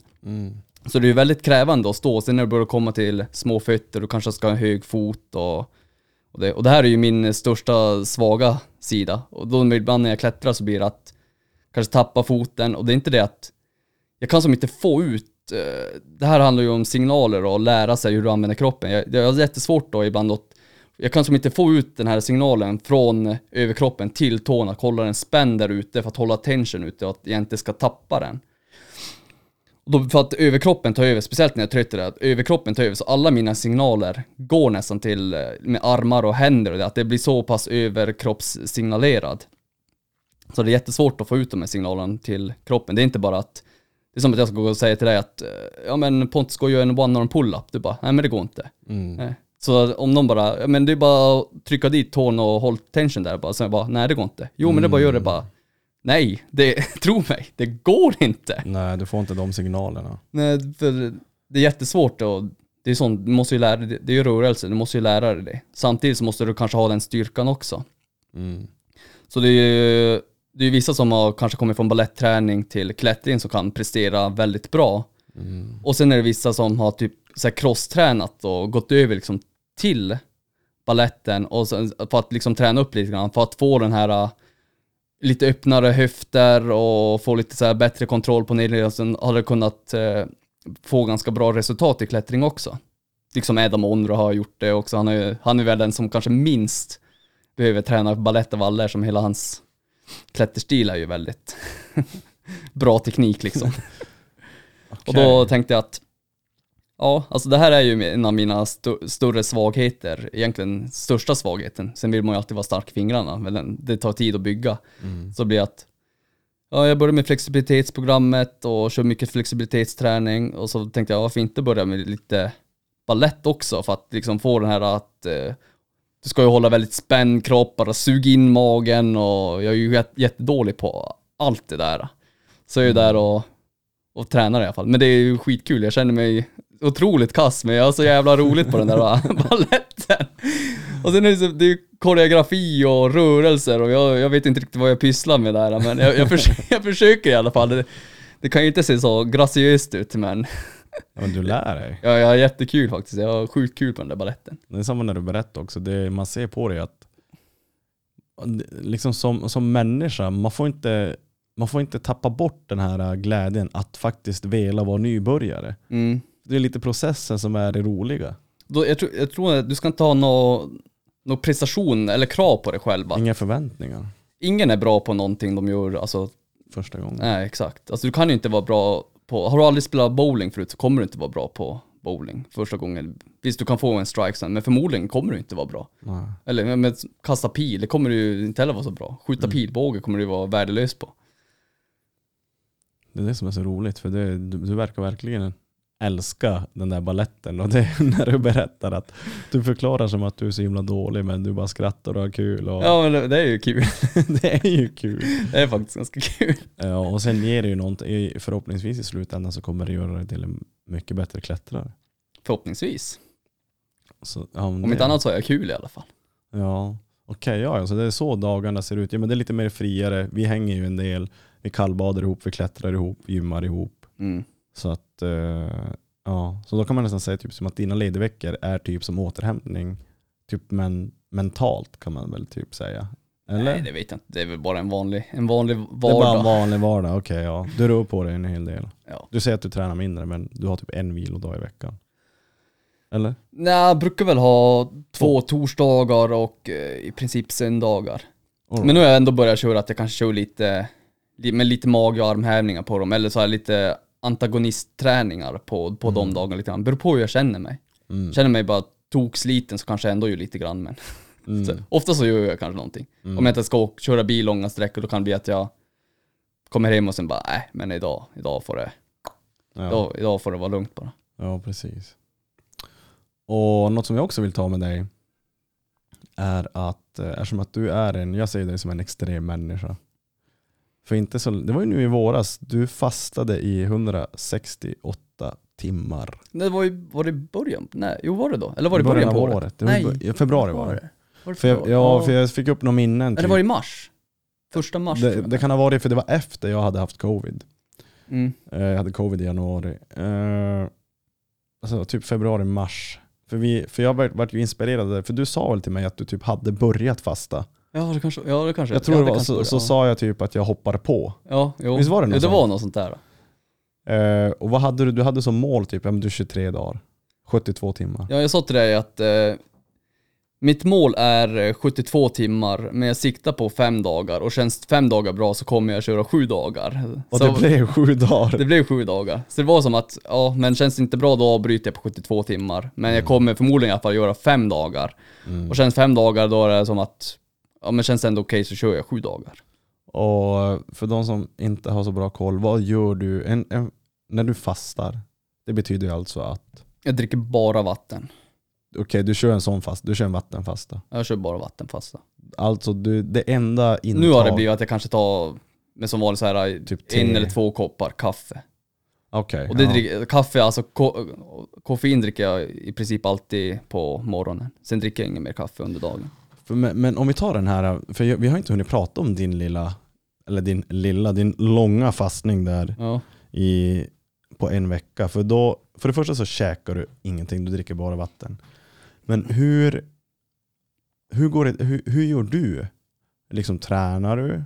Eh, liksom hur sover du? Förstår du? Hur, hela den här eh, typ, vad ska man säga, vardagen. Hur Alltså blir min, det? Om jag fastar så ser min vardag exakt likadan ut oftast. Det är bara att jag inte äter. Men så- kan du träna lika hårt som du gör? Ja, det beror ju på, där på slutet var jag ändå ganska sliten men då kanske att om jag tränar så brukar det alltid vara att, hur känner jag mig idag? Det här beror på om det här är presta- alltså liksom performance-fas eller om det här är bara liksom eh, Typ hålla igång fas? hålla igång-fas. Då kan det bli att, ja men idag, du måste utgå, jag måste utgå varje dag, bara hur känner jag mig idag? Vad kan jag få ut på träning idag? Mm. Och då kanske jag kommer dit och då känns det bättre och kanske kan göra lite mer. Så jag, jag tycker det bästa att utgå hur det känns för, för dagen. Men när du fastar så är det, tycker jag regel är att det är bättre att du håller igång. Sitter du bara hemma så kommer det vara brutalt jobbigt. Mm. Jag skulle aldrig rekommendera någon att om du kör en 3-7 dagar fast att bara sitta hemma och göra ingenting. Då är det bättre att gå ut och ta promenader, för det kommer kännas bättre i kroppen. Mm. Så men jag, jag ser mina fasta som att jag bara, jag gör ungefär, ungefär så, så som min vardag ser ut, bara att jag inte äter. Mm. Vad, vad fick dig att vilja liksom fasta från första början? Det, det här var ju ändå, det här var ganska länge sedan jag började fasta. Sån eh, tror jag såg en Instagram-post på Jonas Kolting som alltid kör 24 timmar en gång i veck- veckan. Just det, ja. Och så blev jag, fan tror också jag ska testa det bara, fasta så här en gång i veckan 24 timmar. Och då var det ju, körde jag så i två års tid. Mm. Någon gång var det kanske 48 timmar och någon enstaka gång var det också närmare kanske tre dygns fasta bara för att testa på. Och efter det så körde jag ett år en 72 timmars fasta en gång i kvartalet. Mm. Så det blir fyra gånger på ett år. Och under det året så körde jag en fem dagars fasta också bara för att testa på det. Och då kommer man liksom till nästa, nästa år, då blir jag att fan jag ska, jag, ska, jag ska ändå sikta på att testa få ihop en veckas fasta. Så körde jag en veckas fasta och sen eh, hade jag gjort så här semlor när jag skulle avbryta fastan och sen försöka semla, det var ju, för fan vad gott med semlor, jag hade ju bakat dem själv också. Mm. Så avbröt jag den, sen dagen efter fick jag covid. Så det var ju bara, vilket Ja. jävla skit det var. Men, men har du någon sån här, alltså liksom vad är benefitsen, vad är fördelarna med, med att fasta? Liksom så här, varför gör du det? Vad vill du ha ut av det? Jag vet inte, för jag, jag, nu har jag inte koll, jag har inte koll på det mer, jag har liksom glömt bort vad... Förut var jag tvungen hela tiden så här förklara för folk vad man, varför man gör det. Nu, nu skiter jag egentligen jag behöver inte förklara för någon vad jag gör det. Men Mm. Mm. det var ju som alltid så här att man ska förklara för folk. Så då kunde det bättre, nu har jag ju som glömt av det för jag, jag har inte förklarat det för någon på, på länge. Nej, för jag tänker att folk kanske vill veta. Eh, Det enda jag typ kan säga är att eh, men för jag försöker hålla intermitting fasting, liksom Mm. att man eh, 16-8, Ja. så att man, man fastar 16 timmar varje dag. Eh, och det som händer då är ju dels att, dels så gillar ju jag att vara i ketos. Mm. Jag är ju en ketoskille. Eh, och sen är det det att när vi inte äter och när vi har varit utan mat en längre tid så är våran process i kroppen med att förnya celler, Mm, åter, den blir så mycket snabbare och bättre. Jo. För annars måste kroppen hela tiden, vad heter det, inte jobba men alltså liksom smälta det vi tar in hela, hela tiden. Precis, kroppen kan ju inte, om du har liksom mat i kroppen, alltså säg att högt blodsocker eller, alltså Mm. äter du någonting så får du högre blodsocker. Och så länge du har högre blodsocker så kan inte kroppen fokusera på, på andra saker liksom. Är ditt blodsocker väldigt högt så kan du inte gå ner i vikt till exempel. Du måste liksom ha en ganska jämn blodsockernivå för att kroppen liksom ska kunna göra det de andra ska göra. Mm. Och fastar du 70, jag menar, säg 48 till 72 timmar och sånt där. Så kommer, eh, om du har, så kommer kroppen börja använda celler som bränsle i kroppen. Och då kommer ju kroppen eh, automatiskt offra dina dåliga celler först som bränsle för kroppen. Så på så sätt kan du även bli av med lite dåliga celler som, eh, som kanske inte är lika bra som men, de bättre cellerna. Mm. Så okej, ja. Du, okej, jag, jag försöker ändå att, för du, du hade velat vara lite mer påläst för att kunna förklara typ så här, den vetenskapliga sidan av att fasta i sju dagar.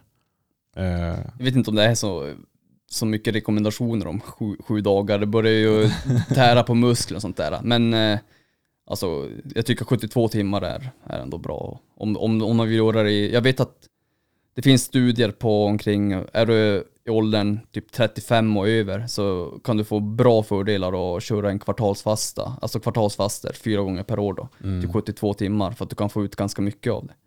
Mm.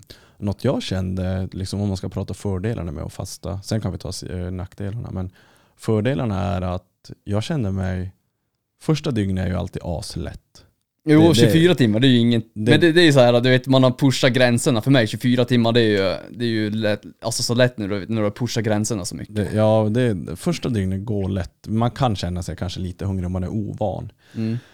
Men något, jag kände typ dag två, jävlar vad klar jag var i skallen. Ja, Alltså, boom, det var som att man hade typ dopat hjärnan. jo.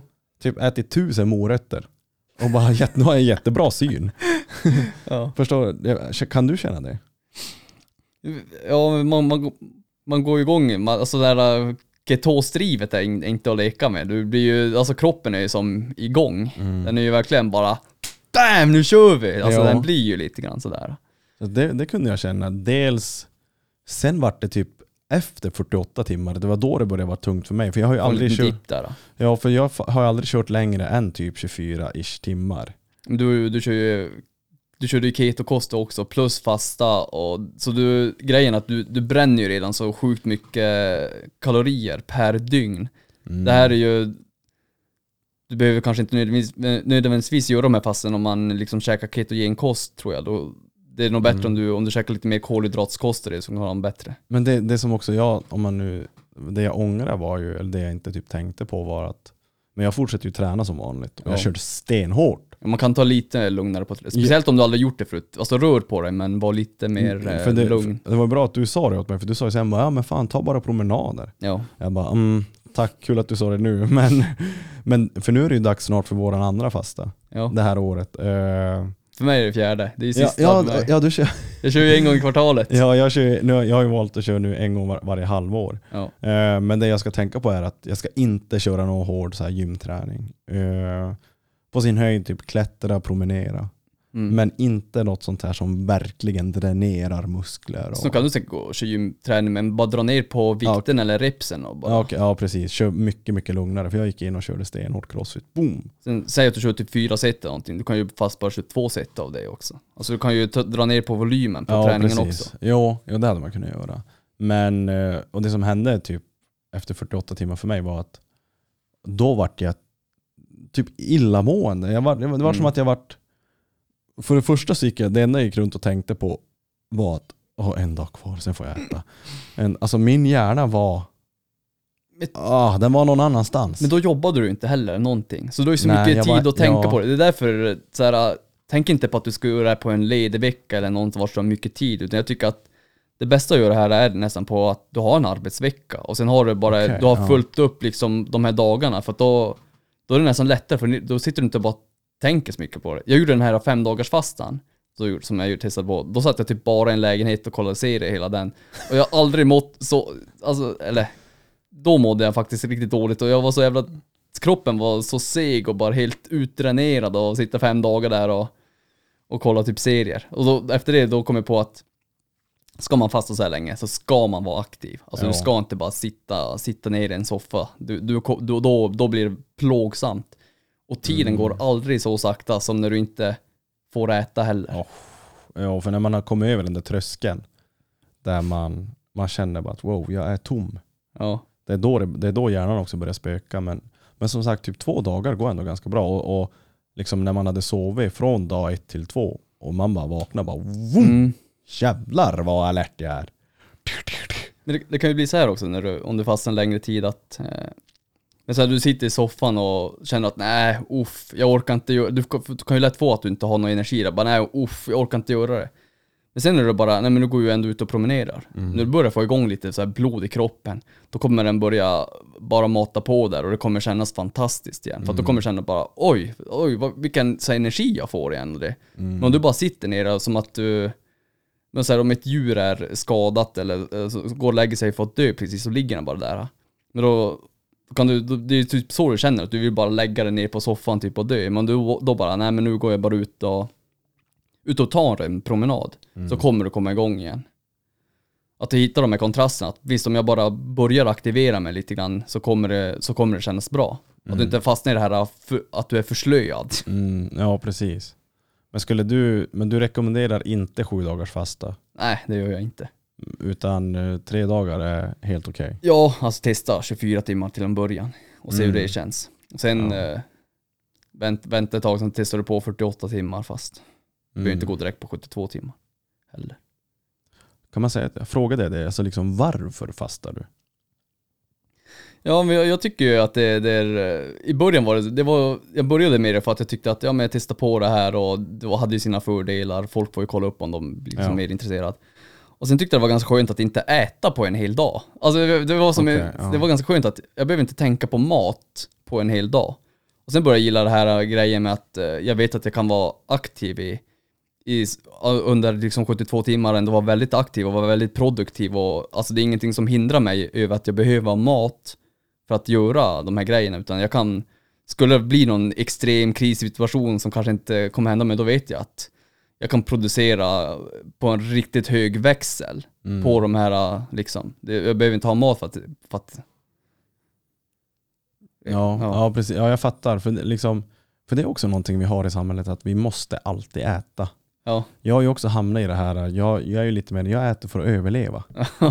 Jag, jag sitter inte och äter bara, mm. det, ja, sen var inte som mig, jag kanske också är lite extrem där. Liksom jag är med det här typ att sitta och äta tillsammans och så ska man sitta och prata i matbordet en timme. För jag är inte sån. Sen är det kaffe, sen är det Ja, fika, Ja, en jag, liten bara, bulla. jag ger mig bara min broccoli och kött, sen är jag klar så kan vi gå och Ja. göra något annat. Alltså det är jag, jag äter bara för att överleva. Ja. Det är min relation till mat. Jag äter för att jag... Men det blir ju så när man käkar ketogenkost. Ja. det, det kanske inte är alltid... Det är, ändå ganska, det är ändå ganska gott faktiskt. Vi har ju själv testat på och ätit mycket carnivore och allt sånt där. Men det, då blir det ju mer att du bara... Liksom det är ju ingen... eh, Tjusning liksom. Nej, nej exakt. Man äter bara för att överleva. Ja, det och- blir lite grann så. Och, och, liksom, ehm, och det som är, precis som du säger där, att, att när man pushar också de här gränserna att vara utan mat. Jag får ett annat, för vissa får ju den här, ja, om inte jag äter så fan, jag kommer mörda någon. Och va? Du är bara lite hungrig. Ja.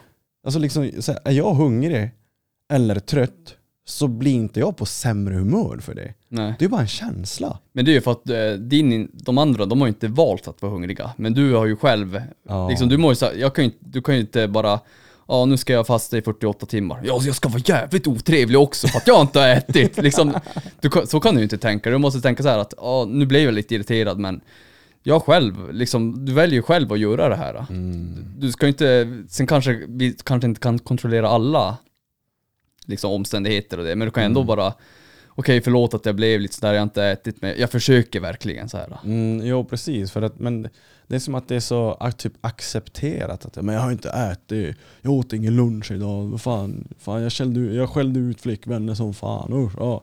Men alltså det är som, Ursäkter. ja men alltså för mig är det så här bara, men typ så här, vadå, var du bara hungrig? Ja, ja, ja, vadå bara hungrig? Jag var hungrig. Ja, men, alltså, för då börjar jag också tänka så här, för jag har också inställningen att Alltså vi lever ju och har det bra idag Mm. för att våra för- bra. Våra förfäder, alltså det, vi har glömt bort vart vi kommer ifrån. Mm. Alltså människan, en, tre dagar utan mat förut, det var nada. Men idag går vi runt och gnäller om vi inte har käkat på åtta timmar. Alltså, jag, försöker, jag har den inställningen. ja. Jag säger inte åt alla att typ, men, men typ, du måste tänka som mig. Men jag tror att det hade varit bra om man, de flesta kunde anamma att men det är inte hela världen att Nej. jag var utan lunch idag. Det är ingen anledning för mig att komma hem och vara ett jävla vrak. Nej det är det Jag inte. har bara inte ätit. That's it. Förstår du vad jag menar? Ja. Det är ingen stor grej egentligen. Nej. Utan vi har ju det bara så jävla bra idag som gör att vi glömmer bort typ hur dåligt vi egentligen haft det som människor. Mm. Men i vårat DNA från långt bak i tiden så är vi ju fucking survivors. Jo, Vi är ju överlevare egentligen. det är vi. Det är därför man måste pressa med fight or flight. Det är just, Grejerna. det är just därför för sådana som oss, eh, för det finns många där ute ändå, sådana som du och jag, väljer att lida, som vi sa i början. Och på så sätt så tycker jag man upp, alltså, ehm, skapar en, eh, ett mer, dels ett lugn typ i, eh, i sig själv och framförallt så har man de här, ja men wow jag var utan mat, det är inte hela världen. Oj, Nej. jag fryser lite, men det är inte hela världen. Vi, vi har det bra. Förstår du vad jag menar? Ja, jag tycker det är intressant med mat också, det är att eh, om du, om jag äter för lite, då blir jag, det här kom jag på ganska nyligen, om jag äter för lite, alltså om jag får lite, för lite energi under en längre tid då, då, då blir jag som här, lite trött och förslöad till slut och du får inte den här återhämtningen och du kanske inte kan vara lite aktiv. Men däremot, om jag äter för mycket, då sker det nästan likadant. För att då blir det för mycket mat, då blir jag också där förslöad och då blir det som också att jag inte vill träna eller göra någonting sånt där. Så det behöver, man behöver som ändå en liten balans i maten också. Så Och är där äter för mycket, den, den, den, där äter för lite, det kommer med tiden. Men äter för mycket, det kan du känna av nästan direkt bara. Trycker i för mycket, då blir, då blir jag lätt så att jag blir för slö. det är det jag också typ känner, typ när man äter keto. Det är att så fort jag har ätit så kan ju jag typ gå ut och springa. Men du är ju, ketogenkost det är ju eh, svältläge för kroppen, så den är ju överlevnadsläge. Det, det är ju svältläge. Ja, fast ketogen ändå, jag har ju ändå mina, alltså man, mina energidepåer är ju fettet. Jo, jo, men vad jag menar är att ketogenkost är ju, du, kroppen tror ju att den är i svältläge, men den är, alltså äter du nog med liksom med, alltså nog med fett så kommer den ju ta det fettet och bränna bort det. Men i stort sett så sätter ju ketogenkost kosten, alltså kroppen i svältläge, så då är du liksom i överlevnande, överlevnadsläge. Att det ska ju inte hindra dig från typ att överleva, den kommer börja bränna fett. Och då, du bränner ju, men de andra de kanske inte, typ jag som, nu äter jag kolhydrater det så, jag kanske inte bränner så mycket på under natten eller, eller sådär, men din kropp den är ju liksom i, bara bränner fett till, eller kolhydrater eller, vad säger Nej, men Ja. du, du bränner ju konstant, dygnet runt så bränner du ju sjuka mängder. Det är det som är så skönt, för när man just har ätit, bom, ställer sig upp, behöver inte ta någon nap efter maten eller något, utan det är bara Wow, vad är nästa grej? Nu kör vi! Nu kör vi. det, den känslan är så jävla skön. Än att äta sig spymätt och bara åh jag orkar inte röra på mig. Alltså känslan av att vara proppmätt är värre än att vara hungrig. Ja. Jag tänker att varför, varför är inte folk helt galna i huvudet när de är proppmätta? För den känslan är ju helt absurd.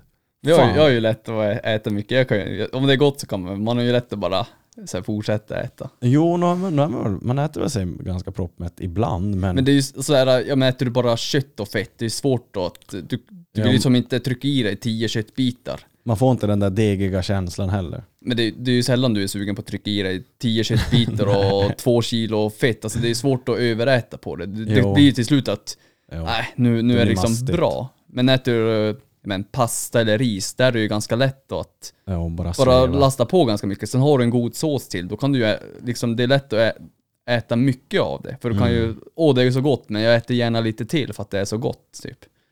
Mm. Ja, det är bara det där och känna sig, men känna sig typ att fan, jag mår bra, Mm. alert. Jag tror man, det är ju det här sättet att man ska, man ska äta sig typ 80% mättnad. Den tror jag ändå är ganska bra, men jag har lite Mm. svårt, svårt för det många gånger. De, de har ju den där, för det, just det där 80%, eh, det står i den här boken som jag läste för, för ett tag sedan, Ikigai. Det- Jag börjar typ snart börja läsa, jag läste typ intro till den. Ja, den är så jävla bra. Eh, och då är det ju liksom när de gör då, de åker ju som till Japan och på det där stället vart de har högst eh, medel, Jo. eller ja, vart de är äldst i världen och liksom prata med dem och se hur de lever. Och, Är det dit vi ska flytta? ja, men de sitter ut, det är inte så jävla action där. Nej, men det behöver det inte vara. Men eh, då är det just det att de äter sig bara 80% Ja. mätt. Och det är så bara, men hur vet du när du är 80% mätt? Ja, En känsla. Ja, alltså när du är mätt och känner typ att jag orkar en portion till. Mm. Då, ta inte en portion till. Då är du 80% mätt. Och det är som de har i Japan, de äter på mindre tallrikar. Mm. För att göra det lättare. Här i Sverige, vi käkar ju på brickor för fan. Alltså, det är det som är skillnaden också. Det gör ju en, underlättar ju också om du inte vill äta dig sådär proppmätt, ja, men ät på mindre tallrikar. Och har köpt din buffé för 150 spänn, då, då ska du äta ikapp pengarna liksom. Då- och då, då trycker du. Ja, du men- bara, nej men nu har jag betalt 150 spänn. Då ska jag se till att checka, checka in de här pengarna jag spenderar. Alltså, ja, men, det, är där. men det är ju alltså. snålsvensson i ett nötskal. Ja. Nu måste jag äta upp alla mina pengar. Sen går man runt och mår dåligt halva dagen istället. Nu har jag betalt 150 kronor för det här. Jag, jag ska då få valuta för de här pengarna. Det är det som är. Ja. Ja. ja fan, just den där långa fastan. Alltså det, ja, men snart är det dags igen för en fasta. Jag siktar på tre dagar. Jag, jag kör också bara tre dagar. Jag är klar Ja, du kör ingen? Ja, ja. Jag sa tre dagars fasta. Ja, du kör inte längre? Nej, nej, nej. Sånt där har jag, det får vara bra nu. Tre dagar, det Det får vara bra nu. Alltså vet du, sju dagar, en vecka. Jag kan Ja. bara tänka mig. Men ändå, så här, du la ju upp typ att du körde på campusbrädan, lite klättring och det är typ så här, de sista dagarna. Jag tänker Mm. hur fan, hur fan mådde du de sista dagarna? Jag var ganska trött och sliten. Jag isbadade ju också. Ja. Men, jag tror, men eh, sista dagen, det var ju ändå... Men corona bröt ju ut då senare också, så då hade Ja. jag ju feber. Så man kände att man var lite sliten och trött och man, man orkade som inte göra mycket. Men jag tog mig ändå ut och isbadade. Gissa om jag var, jag var så totalt otaggad på isbad. Men jag blev som att, nej men jag gör det, för jag vet ju om att går jag isbada, det är över direkt jag är uppe. Mm. Så jag tog mig ändå dit och isbadade för jag fick igång, jag har fått igång min mamma och grannen där i byn och isbada så jag kan ju inte, kan inte bara svika dem så här helt plötsligt. Man måste ju visa att oavsett hur, hur skitigt det är så är det bara isbada. Ku- Kunde du sova bra när du fastade så länge? ja, men jag sov ändå rätt bra, vill jag minnas. Det var ingen, ingenting jag tänkt jättemycket på. Mm. För det kunde jag typ vakna så här mitt i natten och vara lite svettig. Eh, Sista natten var det så. Ja. Då var det, så här, det var, lite jobbigt att sova. Men det var ju det också, jag tror att jag var så, jag hade kört så jävla hårt. Du vet, det var två pass om dagen Ja. och liksom...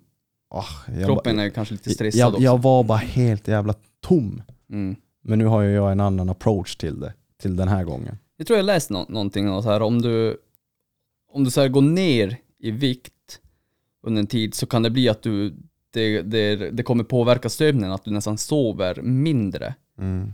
Och om du så här, äh, börjar gå upp i vikt eller går liksom med så här normalvikt så kan det påverka att du kommer sova längre eller sånt där. Det är något sånt, sånt kan det Mm. vara. Och, men det behöver inte nödvändigtvis betyda att du får sämre sömn på grund av det. Mm.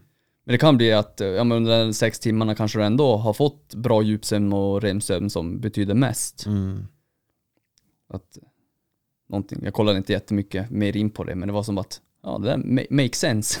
Ja, För jag har själv känt det lite grann så här, man har gått ner i vikt, man kanske sovit lite mindre och, och så. Och sen när man har liksom ätit på sig lite mer igen så har man verkligen fått de här av att wow, jag sov typ hela natten. Men det är också det, här- det, är, det är också det här tillfället, det håller ju inte mitt i sig hur länge som helst. Mm. Hur, hur många kilo gick du ner under din fasta? Kollade du det?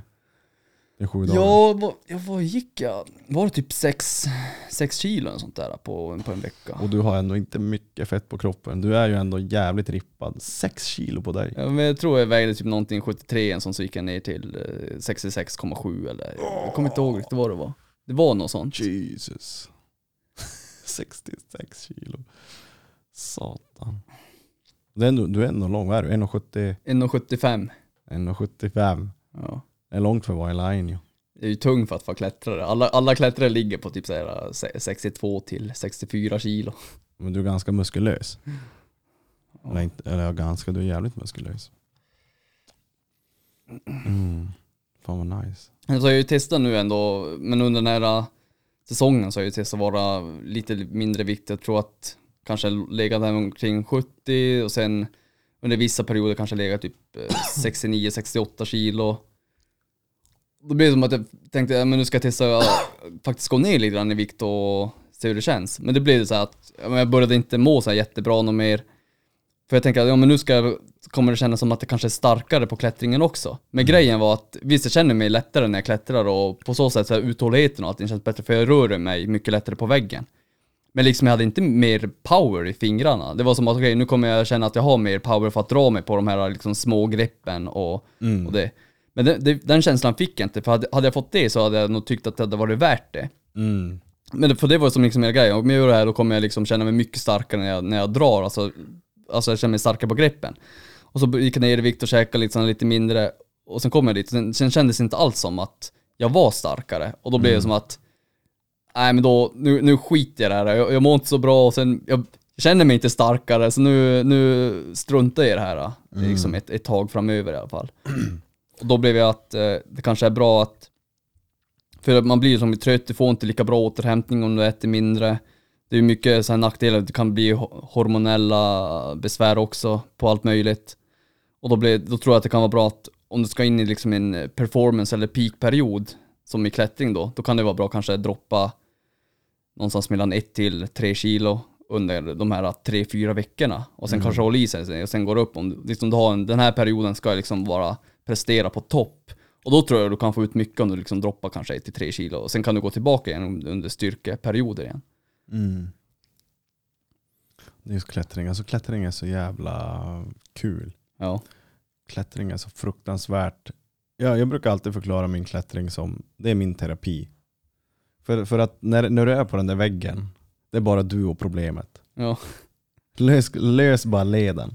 Jag, jag, jag har ju ingen tidsuppfattning när jag klättrar. Du vet, jag kan, äh, klättrar du utomhus, du kanske är där vid typ två på dagen och där. Sen är du hemma tio på kvällen. Då, då vet inte ens vars tiden har tagit vägen. Du vet vem bara flyger fram. Du fattar ingenting och sen är det bara, ja är det kväll nu? Men, se- men, det, om, men det känns som att du ser klättringen mer som din typ sport.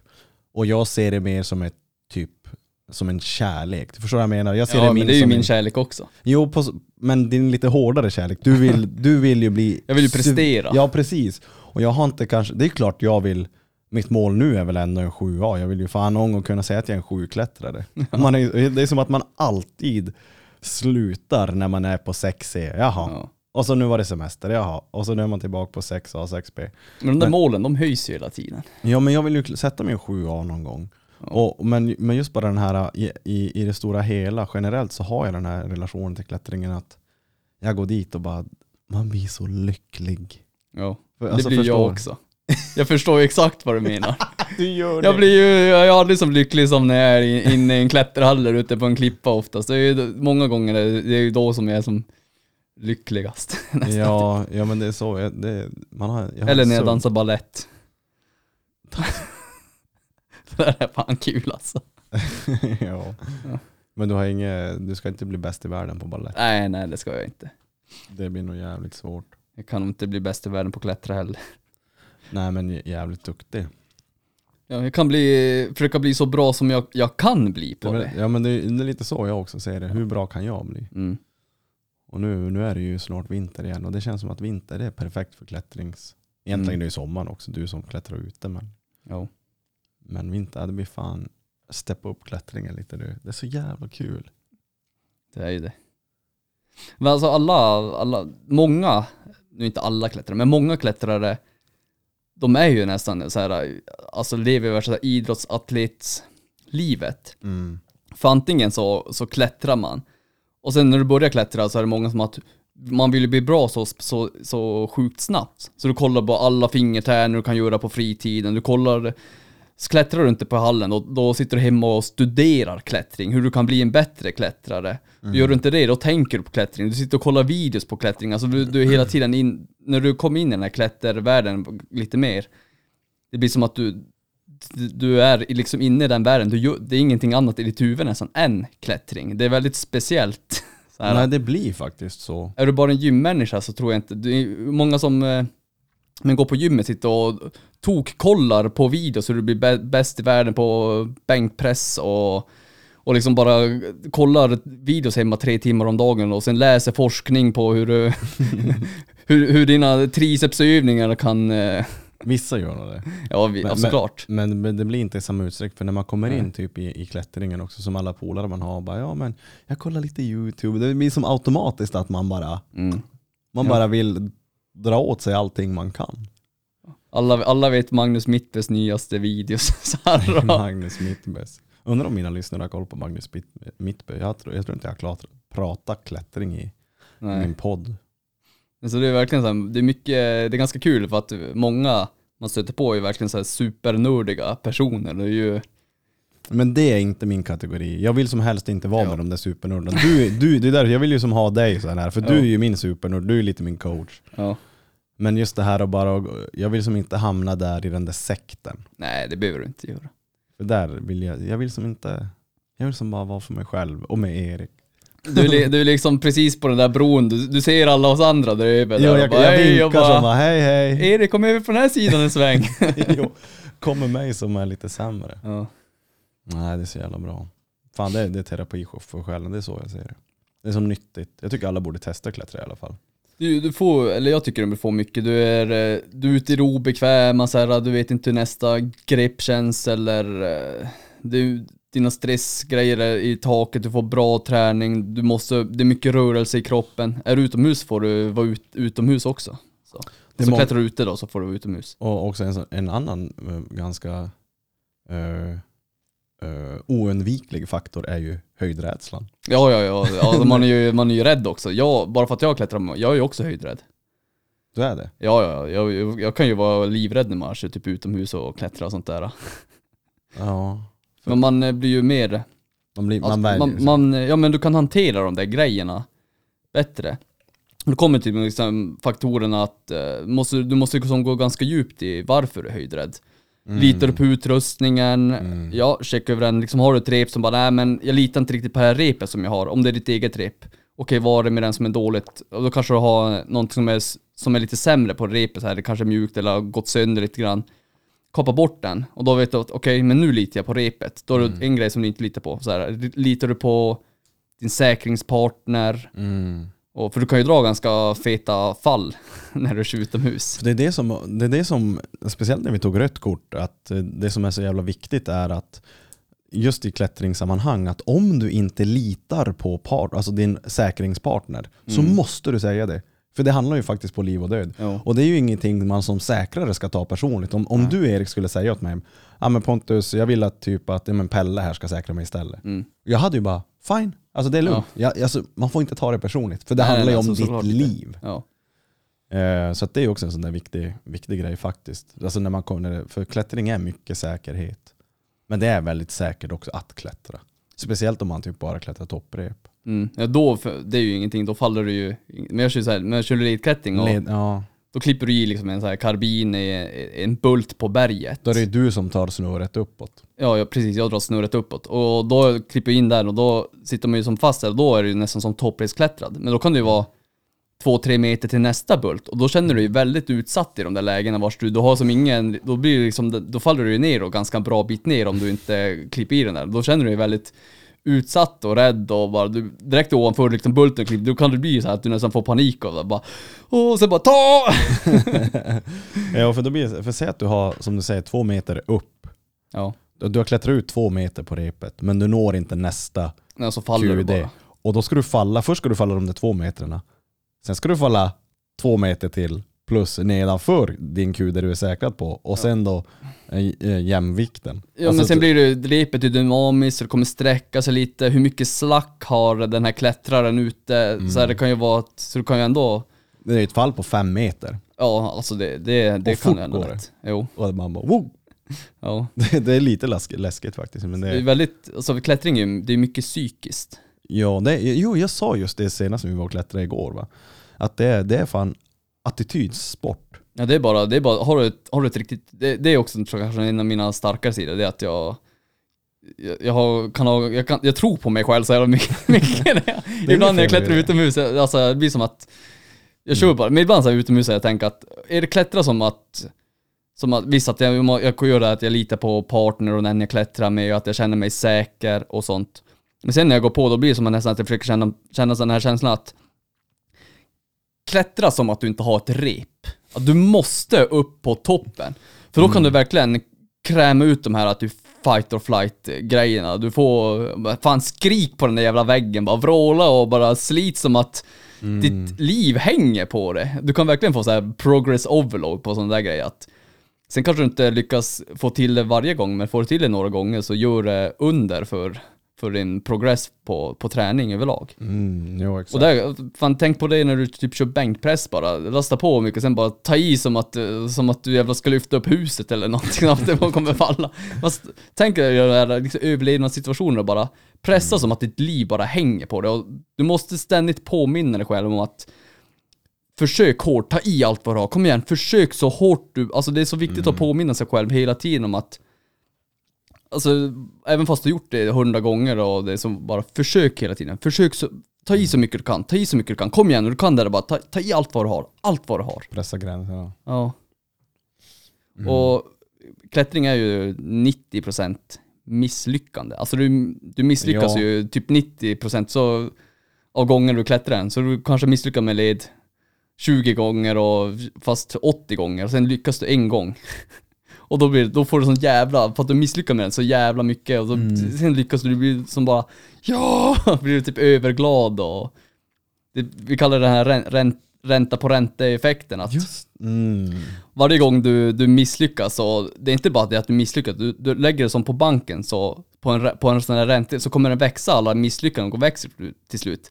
Sen när du klarar det, då får du casha ut den där räntegrejen, då får du liksom den här extasen och, känner dig duktig och bra och stark och Ja, det är helt, jag har inte tänkt på det så. för som lagt dig på ränta på räntebanken där. Sen får du casha ut allt det där när du väl klarar av leden. Fan, jag blev sugen att dra bollrar nu när vi håller på att snacka klättring.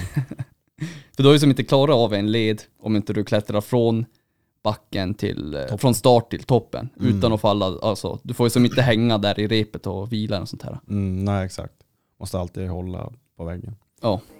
So call me a cynic, call me a bummer.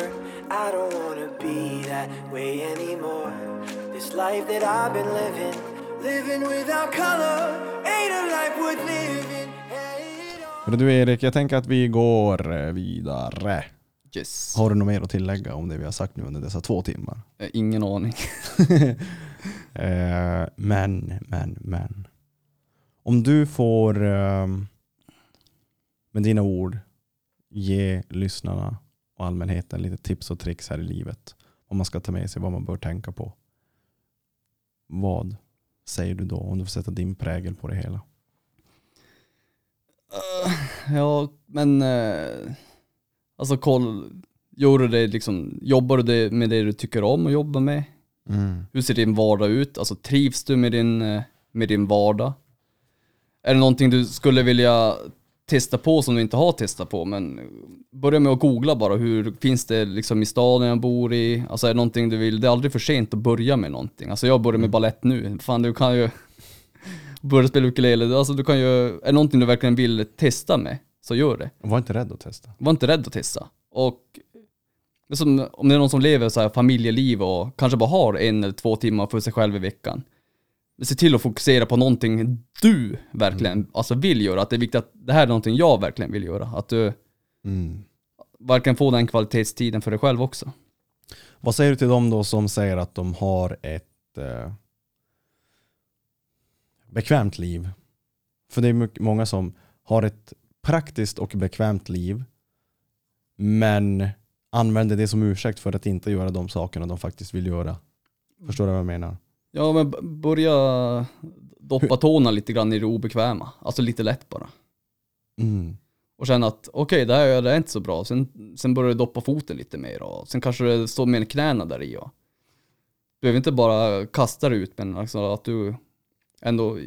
Men jag tycker väl om att vara lite obekväm, lite konstant. Jag undersöker lite, eh, liksom, undersök. Men var nyfiken till, eh, var, ganska nyfiken och öppen för det mesta. Mm. I, behöver inte vara, även fast jag kan ha strukturerad träning och det, så är jag ändå ganska nyfiken och öppen för att testa på andra träningsgrejer och sånt där. Alltså var, ha, ha, ha bara ganska öppet tänk om allt. Jag har inte så mycket fördomar om att, eh, vad du ska göra, eller har inte så mycket fördomar hur du själv ska prestera utan det, utan gå bara, om du vill testa på något annat, gå bara dit och testa och sen har du bara att, ja jag kommer förmodligen vara skitdålig på det här men Mm. vi kör alltså, jag, jag testar på bara för att det här är någonting jag vill göra det. Vi ska inte vara så jävla rädd. Nej, det tycker jag absolut inte. Alltså fan, vi får bara ett liv. Alltså fan, jag såg någon video här hur små vi är i universum. Alltså, du vet ju liksom, om de, man har så här solen jämfört med jorden. Mm. Jorden är ju typ bara en liten jävla ärta. Ja. Och sen har man, sen har de typ så här nya stjärnor och planeter som de har upptäckt flera miljoner ljusår bort. Och så har de satt dem bredvid solen. Då är solen bara en ärta. Ja. Förstår du hur stort universum är? Vi är i det här jävla universum och vi sitter här på den här jävla jorden och tror att allt spelar så jävla stor roll. Det gör ju inte det. För fan, ut och kör! Ja. Vi är sån, alltså vi spelar ingen roll i universum. Ut och gö- lev ditt liv. Ja. Skit i vad fan någon annan tänker och Exakt. tycker. Det kommer bli svart för alla. Och sen alltså så här, typ, fråga dig själv om det är typ någonting, alltså vill jag göra det här? Exakt, ja. Är det här nå- alltså det här är inte bara för att dina fem närmaste vänner ska göra det här, utan fråga dig själv också. Mm, Är det här någonting jag vill göra? exakt. Och sen kanske kommer fram till att nej, det är inte det. Och då, det kan ju vara så, du behöver inte göra som alla andra gör. Mm, Så du måste ju fortfarande göra det du tycker är kul att göra. så är det. Fan vi är så jävla små i universum. Ut och fan bara kör. Lev livet. Det är ju det. Det är ju så. Ja, ja det, var, det var den frågan jag hade. Sen, sen har vi ju bollat fram och tillbaka i podden med olika gäster vad jag borde ha. Förut hade vi alltid femårsplaner men jag blev så trött på den frågan. Ja. Så fan, vi skiter i den. Så att, eh, nej, men fan vad roligt att du ville göra det här. Ja. Vi fick ihop två timmar. Ja. Eh, det var därför jag också ville prata med dig, för vi är ändå liksom på något sätt likasinnade och drar åt samma håll. Så det är alltid kul att få bolla idéer och, och sen också höra din livshistoria mer på djupet, som jag inte har fått Mm. göra än. Utan. Så jävligt glad att du ville ställa upp. Eh, önskar dig all lycka i livet såklart. eh, det kommer gå bra för dig och vi fortsätter ju kämpa på med våra isbad Klättra vidare. klättra vidare, isbada. bolla idéer. Ja, vi, vi kommer lida, lida, vi, lidas tillsammans. Vi kommer vidare i lida, livet. vi kommer lida vid, Plågas. vid varandras sida. Plågas till världens ände.